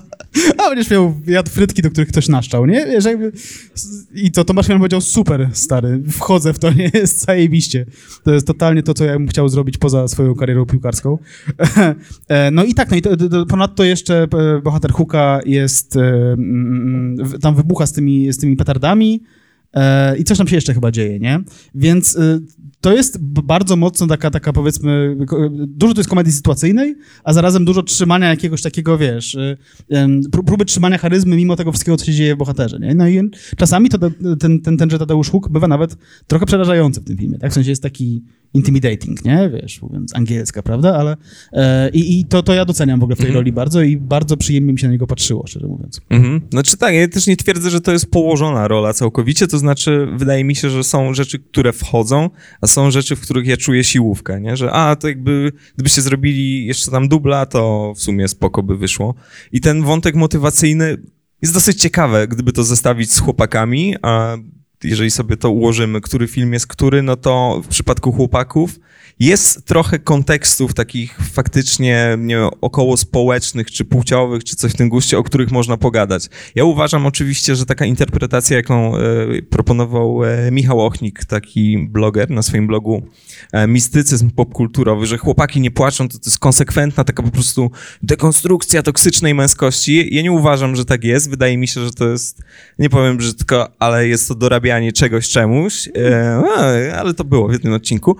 E, ale można się tam mimo wszystko dokopać. No, można dyskutować o tym, czy to nie jest jednak troszkę film o tym, żeby no, gdzieś ten, taka, taka maczystowska poza, że to się w ogóle źle kończy, że jednak bycie, nie wiem, okej, okay, gościem szlachetnym czy wrażliwym jest w porządku. No wiadomo, jak to się wszystko, jak to się wszystko toczy. Tutaj mam wrażenie, że jest jednak niewykorzystany potencjał postaci i jeżeli takowy potencjał się pojawia, nie? I w przypadku postaci tego, tego szefa, e, granej przez Huka, ten potencjał rzeczywiście jest i gdzieś zostaje zagrzebany, a przy okazji, no właśnie, a propos tych kontekstów, że to nie, nie do końca jest film o czymkolwiek, bo tak jak mamy w Chłopakach tego bohatera szturowego, który jest tam, no właśnie, on, nie chce iść w konfrontację, on w sumie, no jakby przemoc to nie jest jego, jego impreza, to ten z poranka, on już jest inny, on już jest jakiś taki, powiedzielibyśmy, proaktywny albo jakiś taki po prostu skory do, skory do bójki, nawet jeżeli sobie coś baja, bo chce tam, nie wiem, tej dziewczynie zaimponować,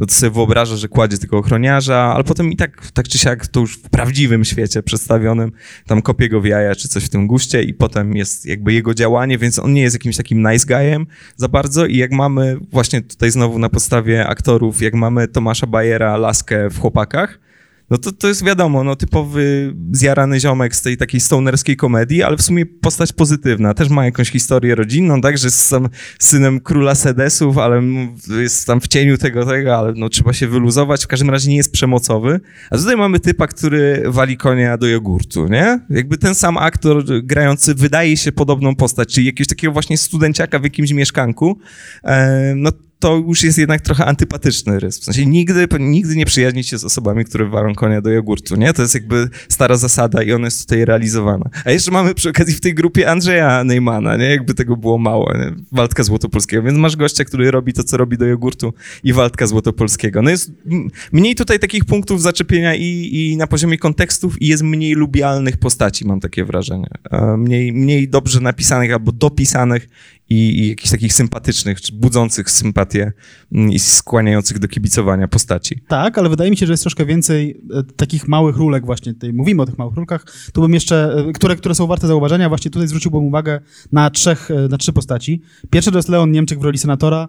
On troszkę tam zagrywa się momentami moim zdaniem, natomiast jak już tam przychodzi ten, ten moment, kiedy musi wygłosić swoje wielkie prawicowe, antyunijne przemówienie, jest to znakomite y, i jest to bardzo śmieszne, ale też Leon Niemczyk, no, to był wielki aktor, który któremu dasz cokolwiek w zasadzie i on, on z tego e, jest w stanie wyciągnąć świetną komedię albo świetny dramat. E, Sławomir Pacek też jest e, i to jest ten gość, który gra e, gościa, który przychodzi na casting na gangstera. E, I to jest moja chyba ulubiona scena w tym filmie, muszę powiedzieć. to, to jest i kolejny przykład tego, że czasami to, co pisał e, Korzyński, e, niekoniecznie musiało być super śmieszne, ale jeśli aktor dowiózł, to, to to było super i to rzeczywiście Pacek dowiózł. No i jeszcze jest taka niewielka rola Jakimowicza, nie, żartuję, jest niewielka rola Stefana Friedmana w roli reżysera kina akcji, to jest raczej satyra na generalnie tam, tak mi się wydaje przynajmniej, na generalnie na, na, na polską branżę filmową z wtedy. E, to chyba nie jest parodia konkretnego twórcy. Jeśli to miałaby być parodia konkretnego twórcy, no to albo Pasikowski, albo, Śleciński, e, albo Ślecicki tak naprawdę, nie? No bo, no bo nie widzę jakiegoś tam e, trzeciego tam typu gościa, który specjalizował się w kinie akcji wtedy, tak? Jakoś tak bardzo mocno. No Żamojda, I guess, nie? Ale, ale to też nie jest typ Żamojdy, nie? E, ale, ale tak, to jest dość, dość, zabawne, jak on tam duka te, te, te, swoje kwestie i gra tego zahukanego e, gościa, który trafił między gangsterów. Być może to jest jakiś taki autoironiczny może wątek, nie? Że, że ten Lubaszenko tak patrzy na siebie z czasów sztosu, kiedy dopuścił przed kamerę Nikosia i tutaj być może to jest właśnie on tak siebie samego widzi, no nie wiem. No, wiemy na pewno, że Lubaszenko potrafił spojrzeć na siebie z dystansu po paru latach e, i też e, to dotyczy poranku Kojata, do czego dojdziemy później, nie? Tak, tak. No, no, tutaj jest trochę autoironii czy autokomentarze u Lubaszenki zawsze. Nie? To znaczy, to nie jest jakaś taka wielka tajemnica, że jak mamy w chłopakach gościa, którego ojciec jest wielkim muzykiem, a on jest jakimś tam po prostu na razie podrzędnym skrzypkiem, no to wiadomo, że tutaj są lęki e, Lubaszenki, ale Korzyńskiego też, Mikołaj Korzyński, syn Andrzeja Korzyńskiego, kompozytora przecież i, i, i Wajda, i Żuławski, i tam Akademia Pana Kleksa i piosenki popowe, no, no bardzo, bardzo ceniony gość, więc, więc tego typu rzeczy się tutaj mm, rzeczywiście pojawiają. Tak, osiadają na twarzy już było, natomiast jest tutaj bardziej mroczna, mam wrażenie, nieprzyjemna strona relacji seksualnych i to też się trochę łączy z tym, że mi się tak wydaje, że ci bohaterowie są mniej do lubienia, nie? No bo ten brylant, no właśnie, no mieliśmy wtedy tego Bolca mm, w Chłopakach, no to jakaś taka postać, no może nie jakaś wielostronna, bo to też nie jest jakieś takie pisanie, że tam jest niesamowita głębia, ale coś, coś w tym jest miłego. No Gangus, ten, ten stary go ciśnie, on by chciał może czegoś innego, chciałby, chciałby się jakoś inaczej realizować. A tu mamy po prostu konsekwentnie jakiegoś takiego gnoja. Ta scena pierwsza z pojawieniem się Milowicza, nie pierwsza w filmie i ten żart z mikrofonem, wow, to jest jeden z najgorszych żartów w ogóle w tym filmie, nie? Że ona przyszła tylko po mikrofon, nie? To po prostu uczniowie pierwszokomunijni pisali, nie? Korzyńskiemu wtedy. Ja muszę na chwilę wyjść, nie? Jakbyście mogli. Jeśli wolno, bo już o tej scenie mówiliśmy, o tej scenie, prawda, Felatio, tak, w, na, na początku filmu. Podczas tej sceny e, dźwiękowie, trochę poniosło dźwiękowca chyba, dlatego, że ona, tam jest tak, że montażowo, nie, że, że wchodzi Noemi do mieszkania i słyszę jęki jego, tak, czyli swojego faceta i e, dziewczyny, która, która jest z nim w łóżku.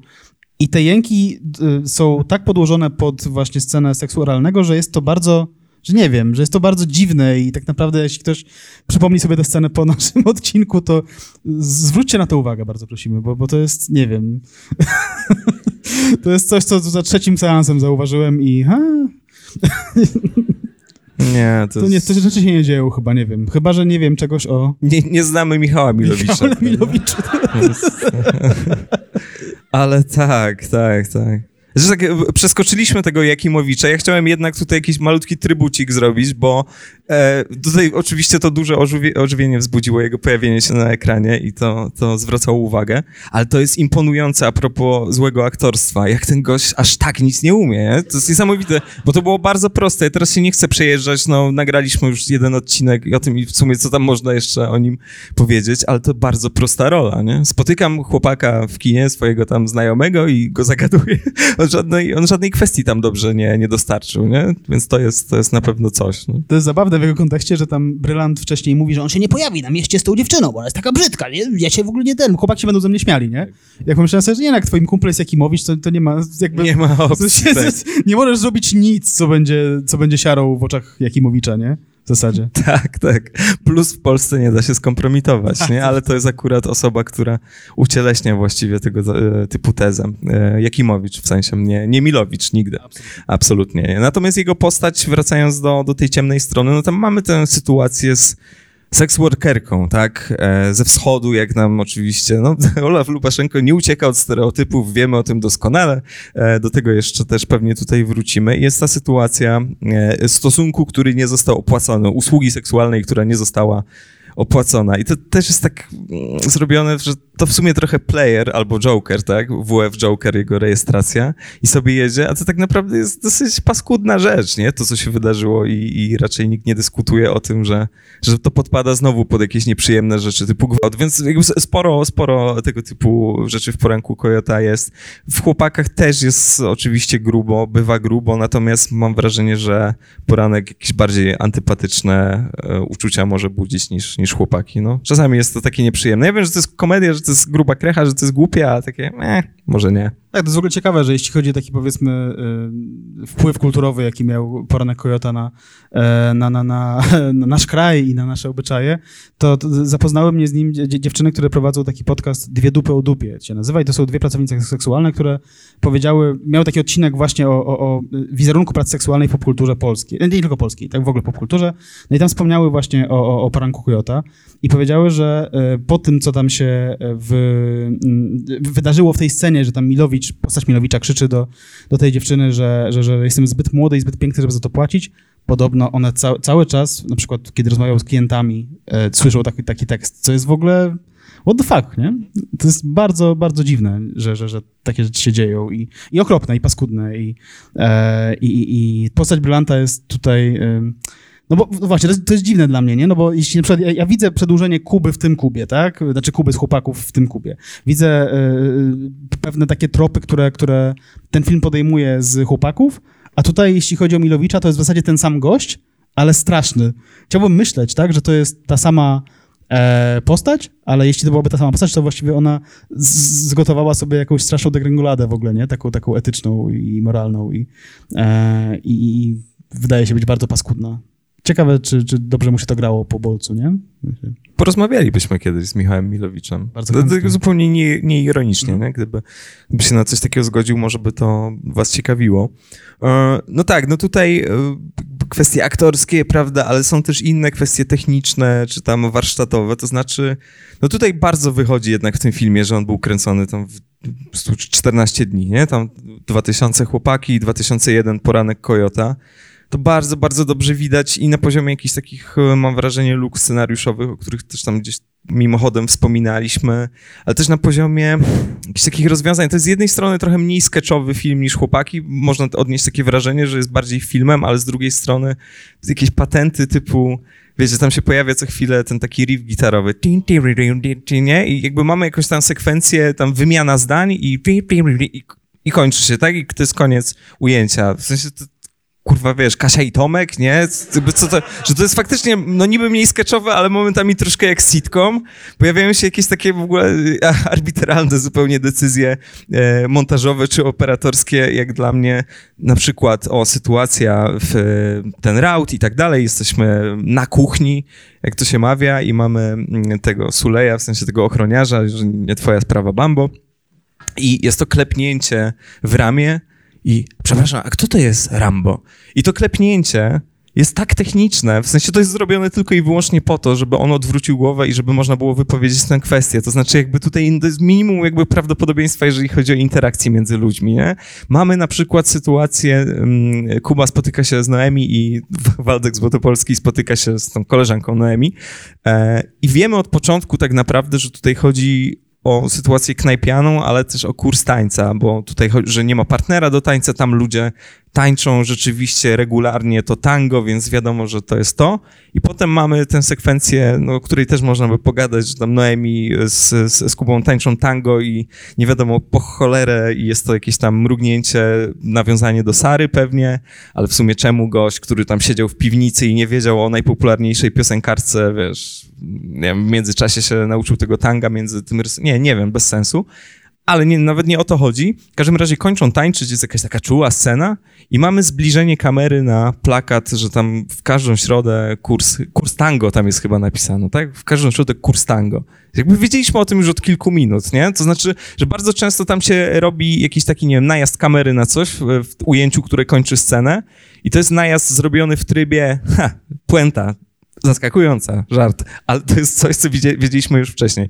Typu właśnie ten trzyma te soczewki e, mały i, i, mówi do tego szczęki, że masz chodzić w tych soczewkach i my cały czas widzimy w ujęciu te soczewki i całą scenę kończy zoom na te soczewki, który trwa tam sekundę, półtorej, nie? Na zasadzie, no tak, no, so, soczewki. I to jest ciekawe, jak wyglądał cały ten proces montowania tego filmu, bo jeżeli to wszystko odbyło się w takim, takim, e, no po prostu, nie wiem, dynamicznym tempie, to można zakładać, że tutaj, no dobra, nie, no jakby kleimy te sceny. Ty nawet zwróciłeś, dzisiaj jak oglądaliśmy e, film, zwróciłeś uwagę na to, że jak mamy przejście od sceny do planszy tytułowej i muzyki, tak, czyli ten moment po prostu, no mamy aktorów, bla, i pojawia się dopiero plansza Poranek to, to, to już to jest spieprzone, nie? W sensie to jest najmniej płynne przejście na świecie, więc czasami to się ogląda jak, jako jakiś taki może nie amatorski, ale półamatorski film, mam wrażenie. Znaczy, wiem, że to niesprawiedliwe trochę wobec twórców, ale kurczę, no zaskakująco warsztatowo to jest takie nie, niedogotowane. Tak, znaczy no,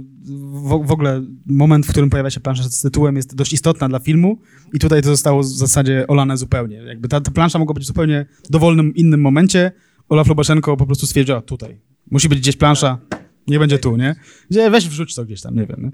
E, tak, no przy czym no oczywiście e, maestria warsztatowa nie jest tym, czego szukają widzowie, kiedy, e, kiedy, kiedy oglądają ten film. No właśnie ma, odnoszę takie wrażenie, że w sumie jestem ciekaw, co by się stało, gdybyś na przykład puścił ten film z napisami, tak, e, odpowiednimi, nie wiem, Szwajcarowi albo, albo przed tym Szwajcarom, co tam nakręcili. tak, tak, tak. A to to teraz robisz, okej, okay, nie? nie no, Mówiliśmy, że możesz zostać w Curychu.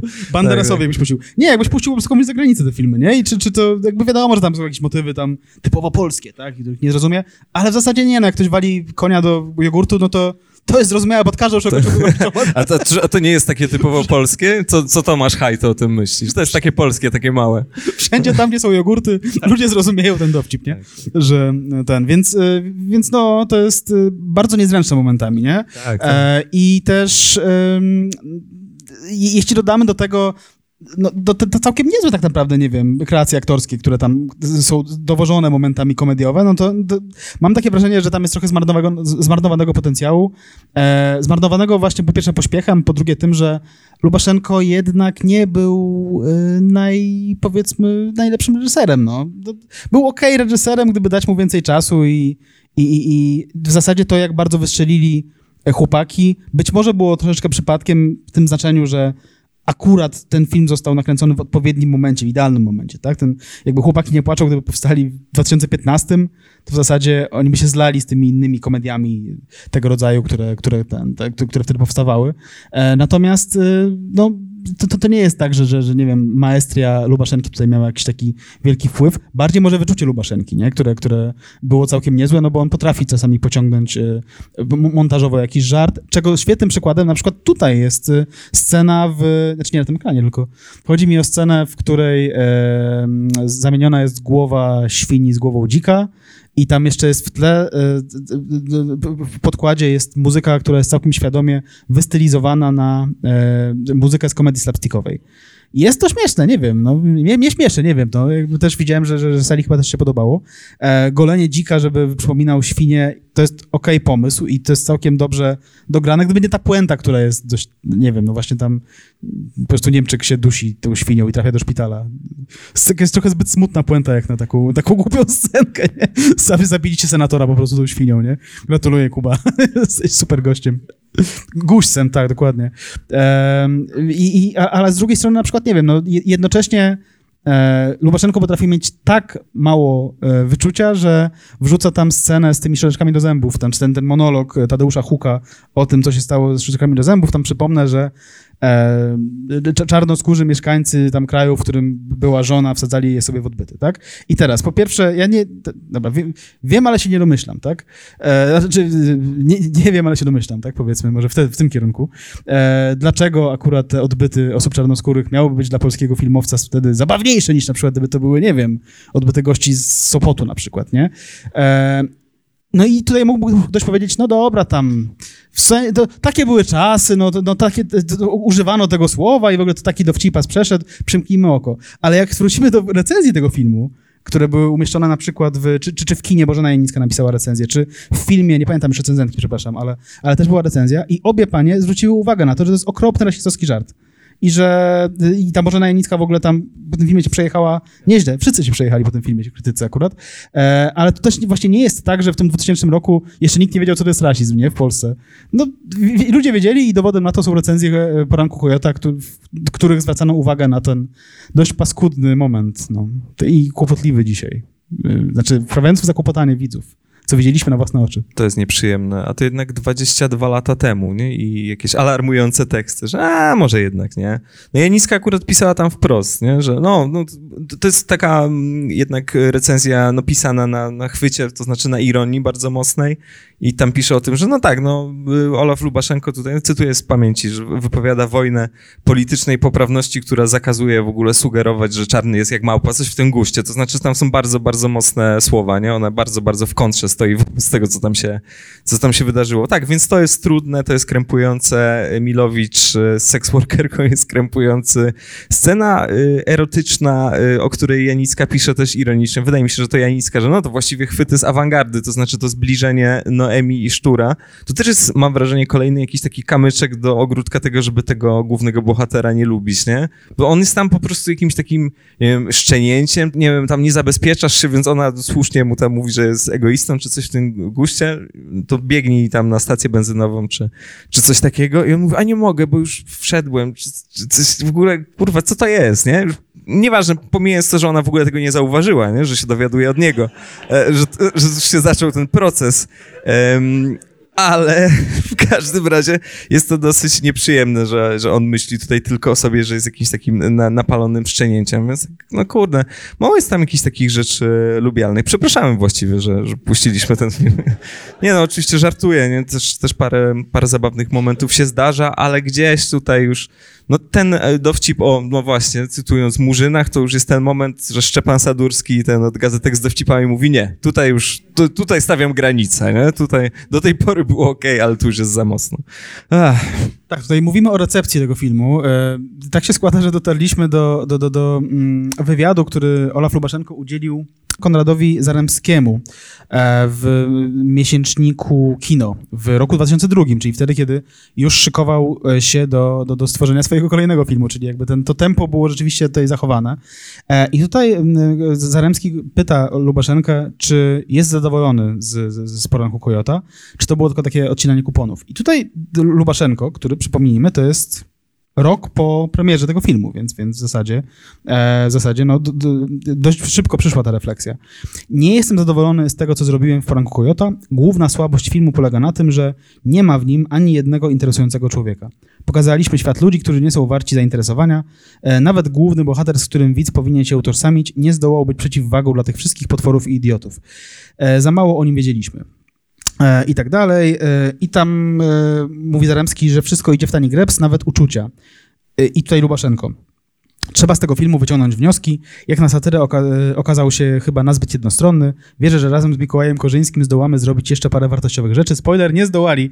Nic, co się jeszcze nie wydarzyło między, pomiędzy Mikołajem Korzyńskim, chyba przynajmniej na gruncie zawodowym, mm -hmm. i mhm. Olafem Lubaszenką. Natomiast Lubaszenko kręcił filmy dalej i no, dobra. Powiem tak. Kiedy ludzie mówią o filmach Lubaszenki, to z reguły pomijają sztos i mówią, że chłopaki nie patrzą super, Poranek Kojota super, te dwa filmy się jakoś mieszają w taką, w taką po prostu kulkę plastelinową, dwa filmy, tak? E, i, I nie wspominają o tym kolejnym, czyli E równa się MC kwadrat, nieprzypadkowo, widziałem ten film niedawno. nie jest to e, rzecz tak dobra jak Poranek Kojota, muszę powiedzieć. e, I no, ta kariera reżyserska troszkę się podłamała Lubaszence. E, I ja się zastanawiam, czy to nie dlatego, że na, narzucił sobie takie tempo, jakie sobie narzucił. No, jakby zrobienie trzech filmów po prostu w odległości kilkanaście miesięcy od siebie E, jest to tempo mordercze. Nawet jeśli weźmiemy pod uwagę to, że, że e, no one są zrobione byle jak, z byle jakim budżetem, tak, i tak dalej, no to e, wydaje mi się, że to był bardzo zapracowany człowiek wtedy po prostu. Tym bardziej, że chyba jeszcze grał w czymś w międzyczasie, więc, więc e, to jest to tempo, które jakoś tam podziwiam, ale zarazem myślę sobie, że mógłbyś zrobić jeden na dwa lata, nie? Dać sobie rok więcej na ten poranek Kojota i trochę dogotować to, usunąć kilka gwałtów z tego filmu, bo to bo, tak, no bo... Przyjąć w ogóle jakiś współczynnik, że na jeden film przypada na przykład jeden ruchający się Milowicz Max, nie tak. pięciu, nie? I tak samo z przemocą seksualną, że znaczy, może... A. Milowicz musiał tam się tyle ruchać, dlatego że powiedział, że y, tam zatrzymywanie tam ten... Tak, on tam y, wiąże się medyczną z, diagnozę podaje. Tak, z, z zawaleniem mosznym czy z czymś. Legit. Jest też e, usunąć parę dowcipów rasistowskich może, zastanowić się nad tym. Zmontować. Zmontować. Napisać coś może. E, I tak. I sięgnąć po aktorów, chociaż nie, niekoniecznie. Akurat aktorzy są spoko. No.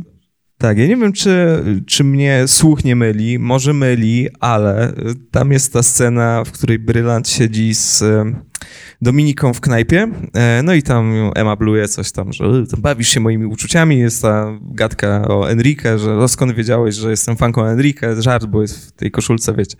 E, I mamy w tle piosenkę i z dialogu wynika, że to jest Enrique Iglesias. Czy to nie jest jakiś zaaranżowany, taki napisany na tę okazję polski latino kawałek, w którym śpiewa Michał Milowicz?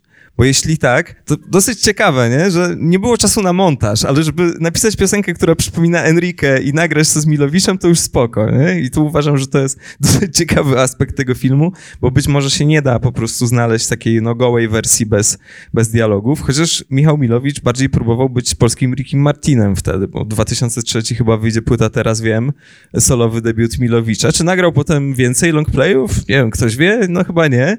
E, a teraz będę ten szalony, ale jest to, jest to ciekawa rzecz, tak? Sprawdzimy na Discogsie, tak, kolekcjonerskie wydania, no? jakiś winylek Milowicza to by się przytuliło. Jest to ciekawe, nie? że tu na to nie mamy siły, nie mamy pary, a tutaj tę scenę musimy koniecznie zostawić i musimy, no wiadomo, nie mamy pieniędzy na licencję na to, żeby, żeby płacić Enrique, ale nagrajmy po prostu z Milowiczem podobny, co nam zajmie sporo czasu, nie? bo musimy to ogarnąć. To jest, to jest jakaś magia tutaj. Tak, swoją drogą, jeśli chodzi o dźwięk w tym filmie, to się dzieją się w ogóle rzeczy. Miałem takie w ogóle wrażenie, że E, że e, muzyka ilustracyjna, która tam się pojawia w tym momencie, taka niepokojąca, to jest dokładnie stokowa muzyczka, która była użyta w Tajemnicy Sagali, w serialu Tak, Tajemnicy no, Sagali. te smyki To jest takie w górę, no. E, co więcej, nie, kiedyś był taki żart, ktoś zrobił, że, że, że, że jest taki, em, taki jingle, który się uruchamia zawsze w kiepskich, jak ktoś przechodzi przez... Nie, jak się robi montaż, przepraszam. Tup, tup, tup. To jest coś takiego, nie? I ktoś pomyślił, żeby zrobić, że, że, żeby się uruchamiało zawsze, jak otwierasz drzwi, na przykład wchodzisz do pokoju, że zaczyna się nowa scena dla, w twoim życiu. I to jest bardzo dobry pomysł. Em, tak, tak, no... y, Finalnie em, Milowiczowi nie udało się zostać polskim Rickiem Martinem, głównie dlatego, że został nim To jest twoja, twoja perspektywa, nie? To... Został nim Krzysztof, Krzysztof Rawczyk, który przecież zaśpiewał Living La Vida Loca, tak? W, w roku 2000, którym? Szóstym? To wisi e, na Spotify'u od niedawna On chyba. lubił, Kiedyś lubił nie było. coverki, no. Kiedyś to było schowane w ogóle, trzeba było naszukać się tego, żeby znaleźć. Za, za paywallem było po prostu. Living La Vida Loca, wykonane przez Krawczyka. No on lubił, no jest In the Dead Car y, wykonywane przez Igiego Popa, nie? W wersji Krawczyka pod tytułem Płatna Miłość. Zresztą krawiec, krawiec sobie działał na, na materiale zagranicznym. Udało się znaleźć jakieś kolejne longplaye Michała Milowicza? Nie, chyba ten, ten o którym mówiłem, jest, jest jedynym. E, a szkoda. E, wcale nie. Czy jest jeszcze coś bardzo istotnego, e, co tutaj pominęliśmy? Prawdopodobnie tak, ale czy nie jest też tak, że rozmawiamy już długo, bo ja po prostu w tym towarzystwie doskonałym tracę poczucie czasu? No nie jest jakaś taka patologiczna długość jak na nas, więc możemy tak naprawdę dać sobie czas na zastanowienie, a potem to wywalić w montażu. Nie? Ja się zastanowię teraz. No, Nie, kończmy.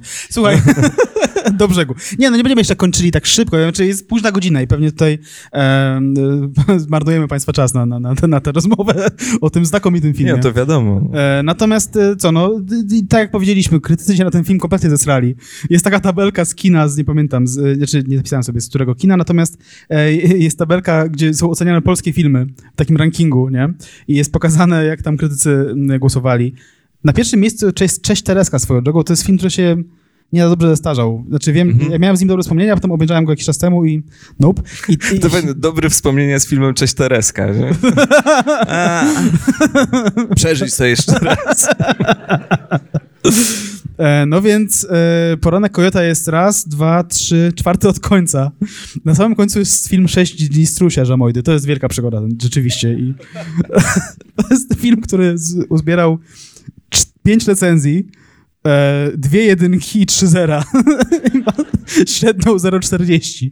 E, no więc tak, więc Poranek Kojota jest czwarty od końca i e, e, uzbierał kilka tam ocen, ma trzy dwójki, e, cztery jedynki i jedno zero. 1,25 to mu daje, daje, daje taką średnią. Em, no, Bożena Janicka była absolutnie bezlitosna dla tego filmu i, i też Bożena Janicka miała chyba, od, odczuwała jakąś taką krucjatę w stosunku do, do, do Poranku Kojota, dlatego że później wracała do tego filmu jak do, do, do, do takiego przykładu, że polskie kino to jest po prostu już zupełnie, znaczy faktycznie było w kiepskim momencie wtedy, przy- przyznajmy, ale że polskie kino w ogóle mogło być takie super, a my tutaj wolimy kręcić Poranki Kojota. To jest napisała w, w felietonie, który był jakoś rok po w ogóle, po, po premierze Poranku Kojota, nie? Więc ten Poranek Kojota stał się jakimś takim przykładem, jakiś, jak masz wymienić słaby polski film, to wymieniać Poranek Kojota. Aż tak źle chyba nie było z tym filmem, nie wiem, no. No, by, no było sześć dni strusia, tak? Tylko, że to nie było aż tak spektakularnie. Tak, no Mariusz Pujszo też nakręcił parę filmów. Gulczas był w tym Je- samym roku napi- na, napisany przez No właśnie, kogo? przez Mikołaja Korzyńskiego. Tak Tak. Gulczasa, jak myślisz, czyli no miał mocne strzały, ale no nie, nie, no Yrek, kosmiczna nominacja to jest gorszy film na przykład, nie? Wracając do, do ostatniego, także spokojnie. Świetny. No. A gorszy, a świetny. tak.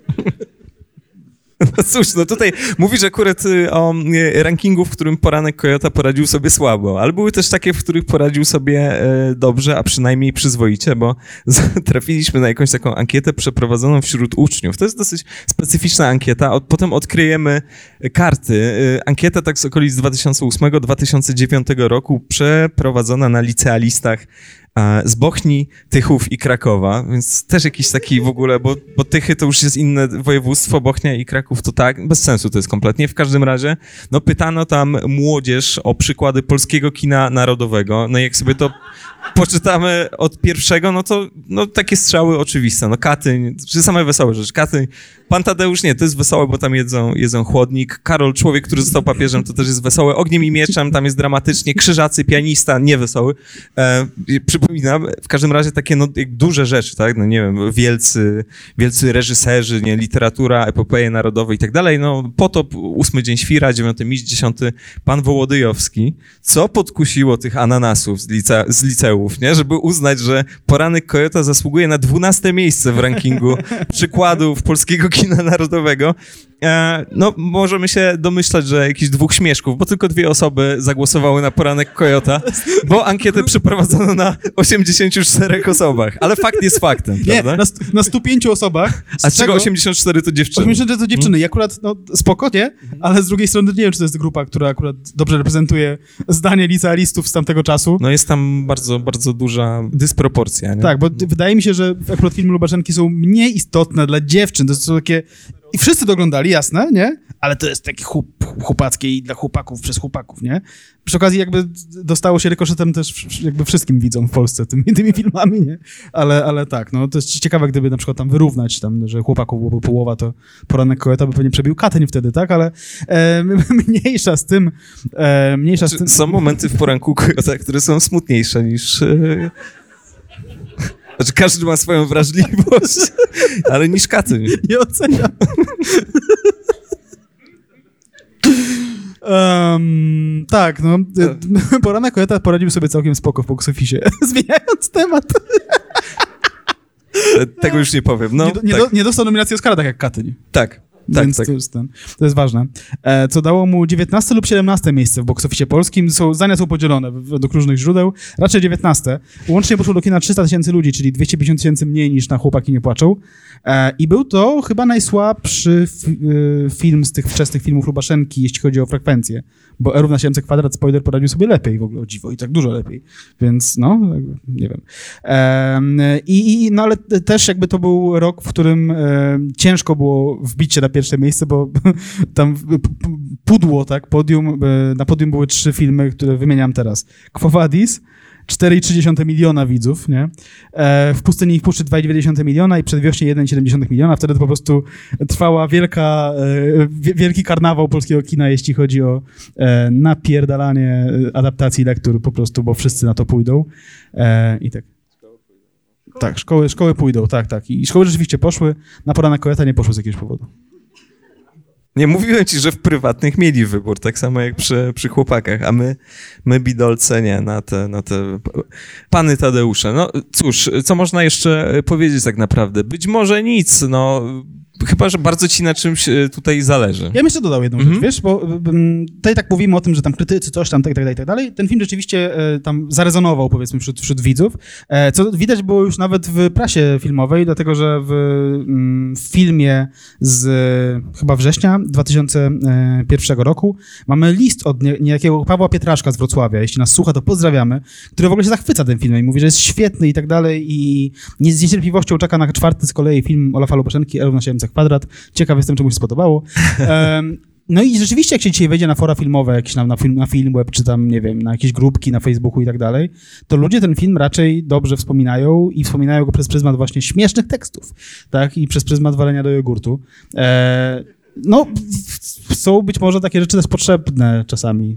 Jak, znaczy, O, znaczy nie walenie do jogurtu, może ale... są, no Jezus Maria. Ty nie oceniasz mojej wrażliwości, ja twojej.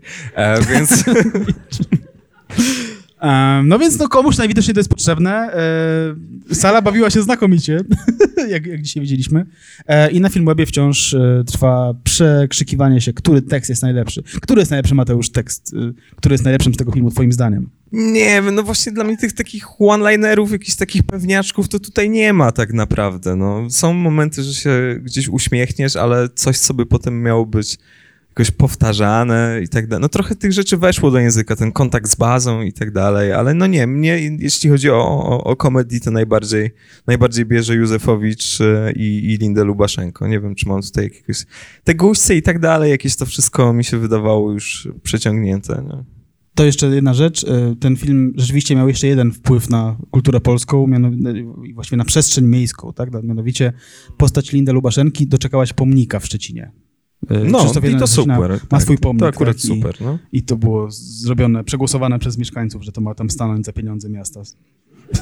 Tak, bo to z budżetu obywatelskiego, Tak, nie? z budżetu obywatelskiego. Chuj z placami zabaw w ogóle. Super.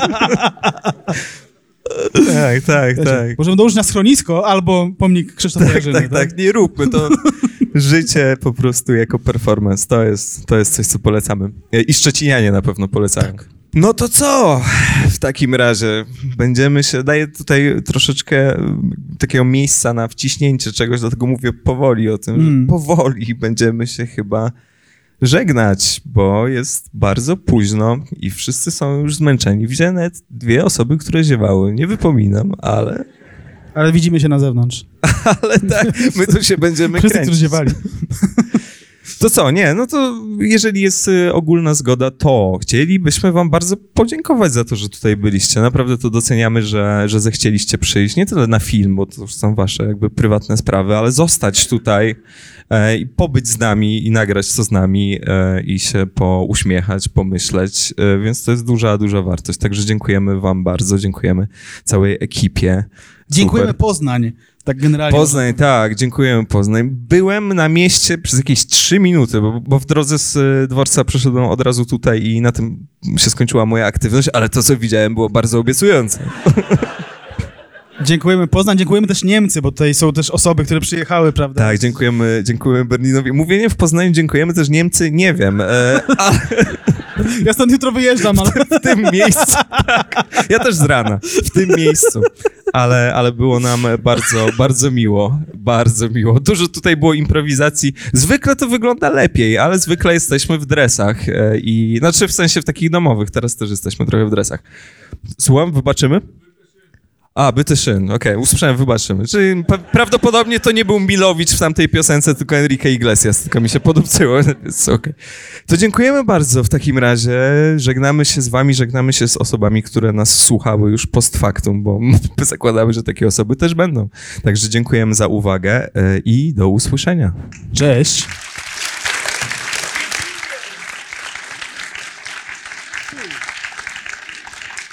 Podcast przygotowali Bartek Przybyszewski i Mateusz Witkowski. Czytał Tadeusz Drozda.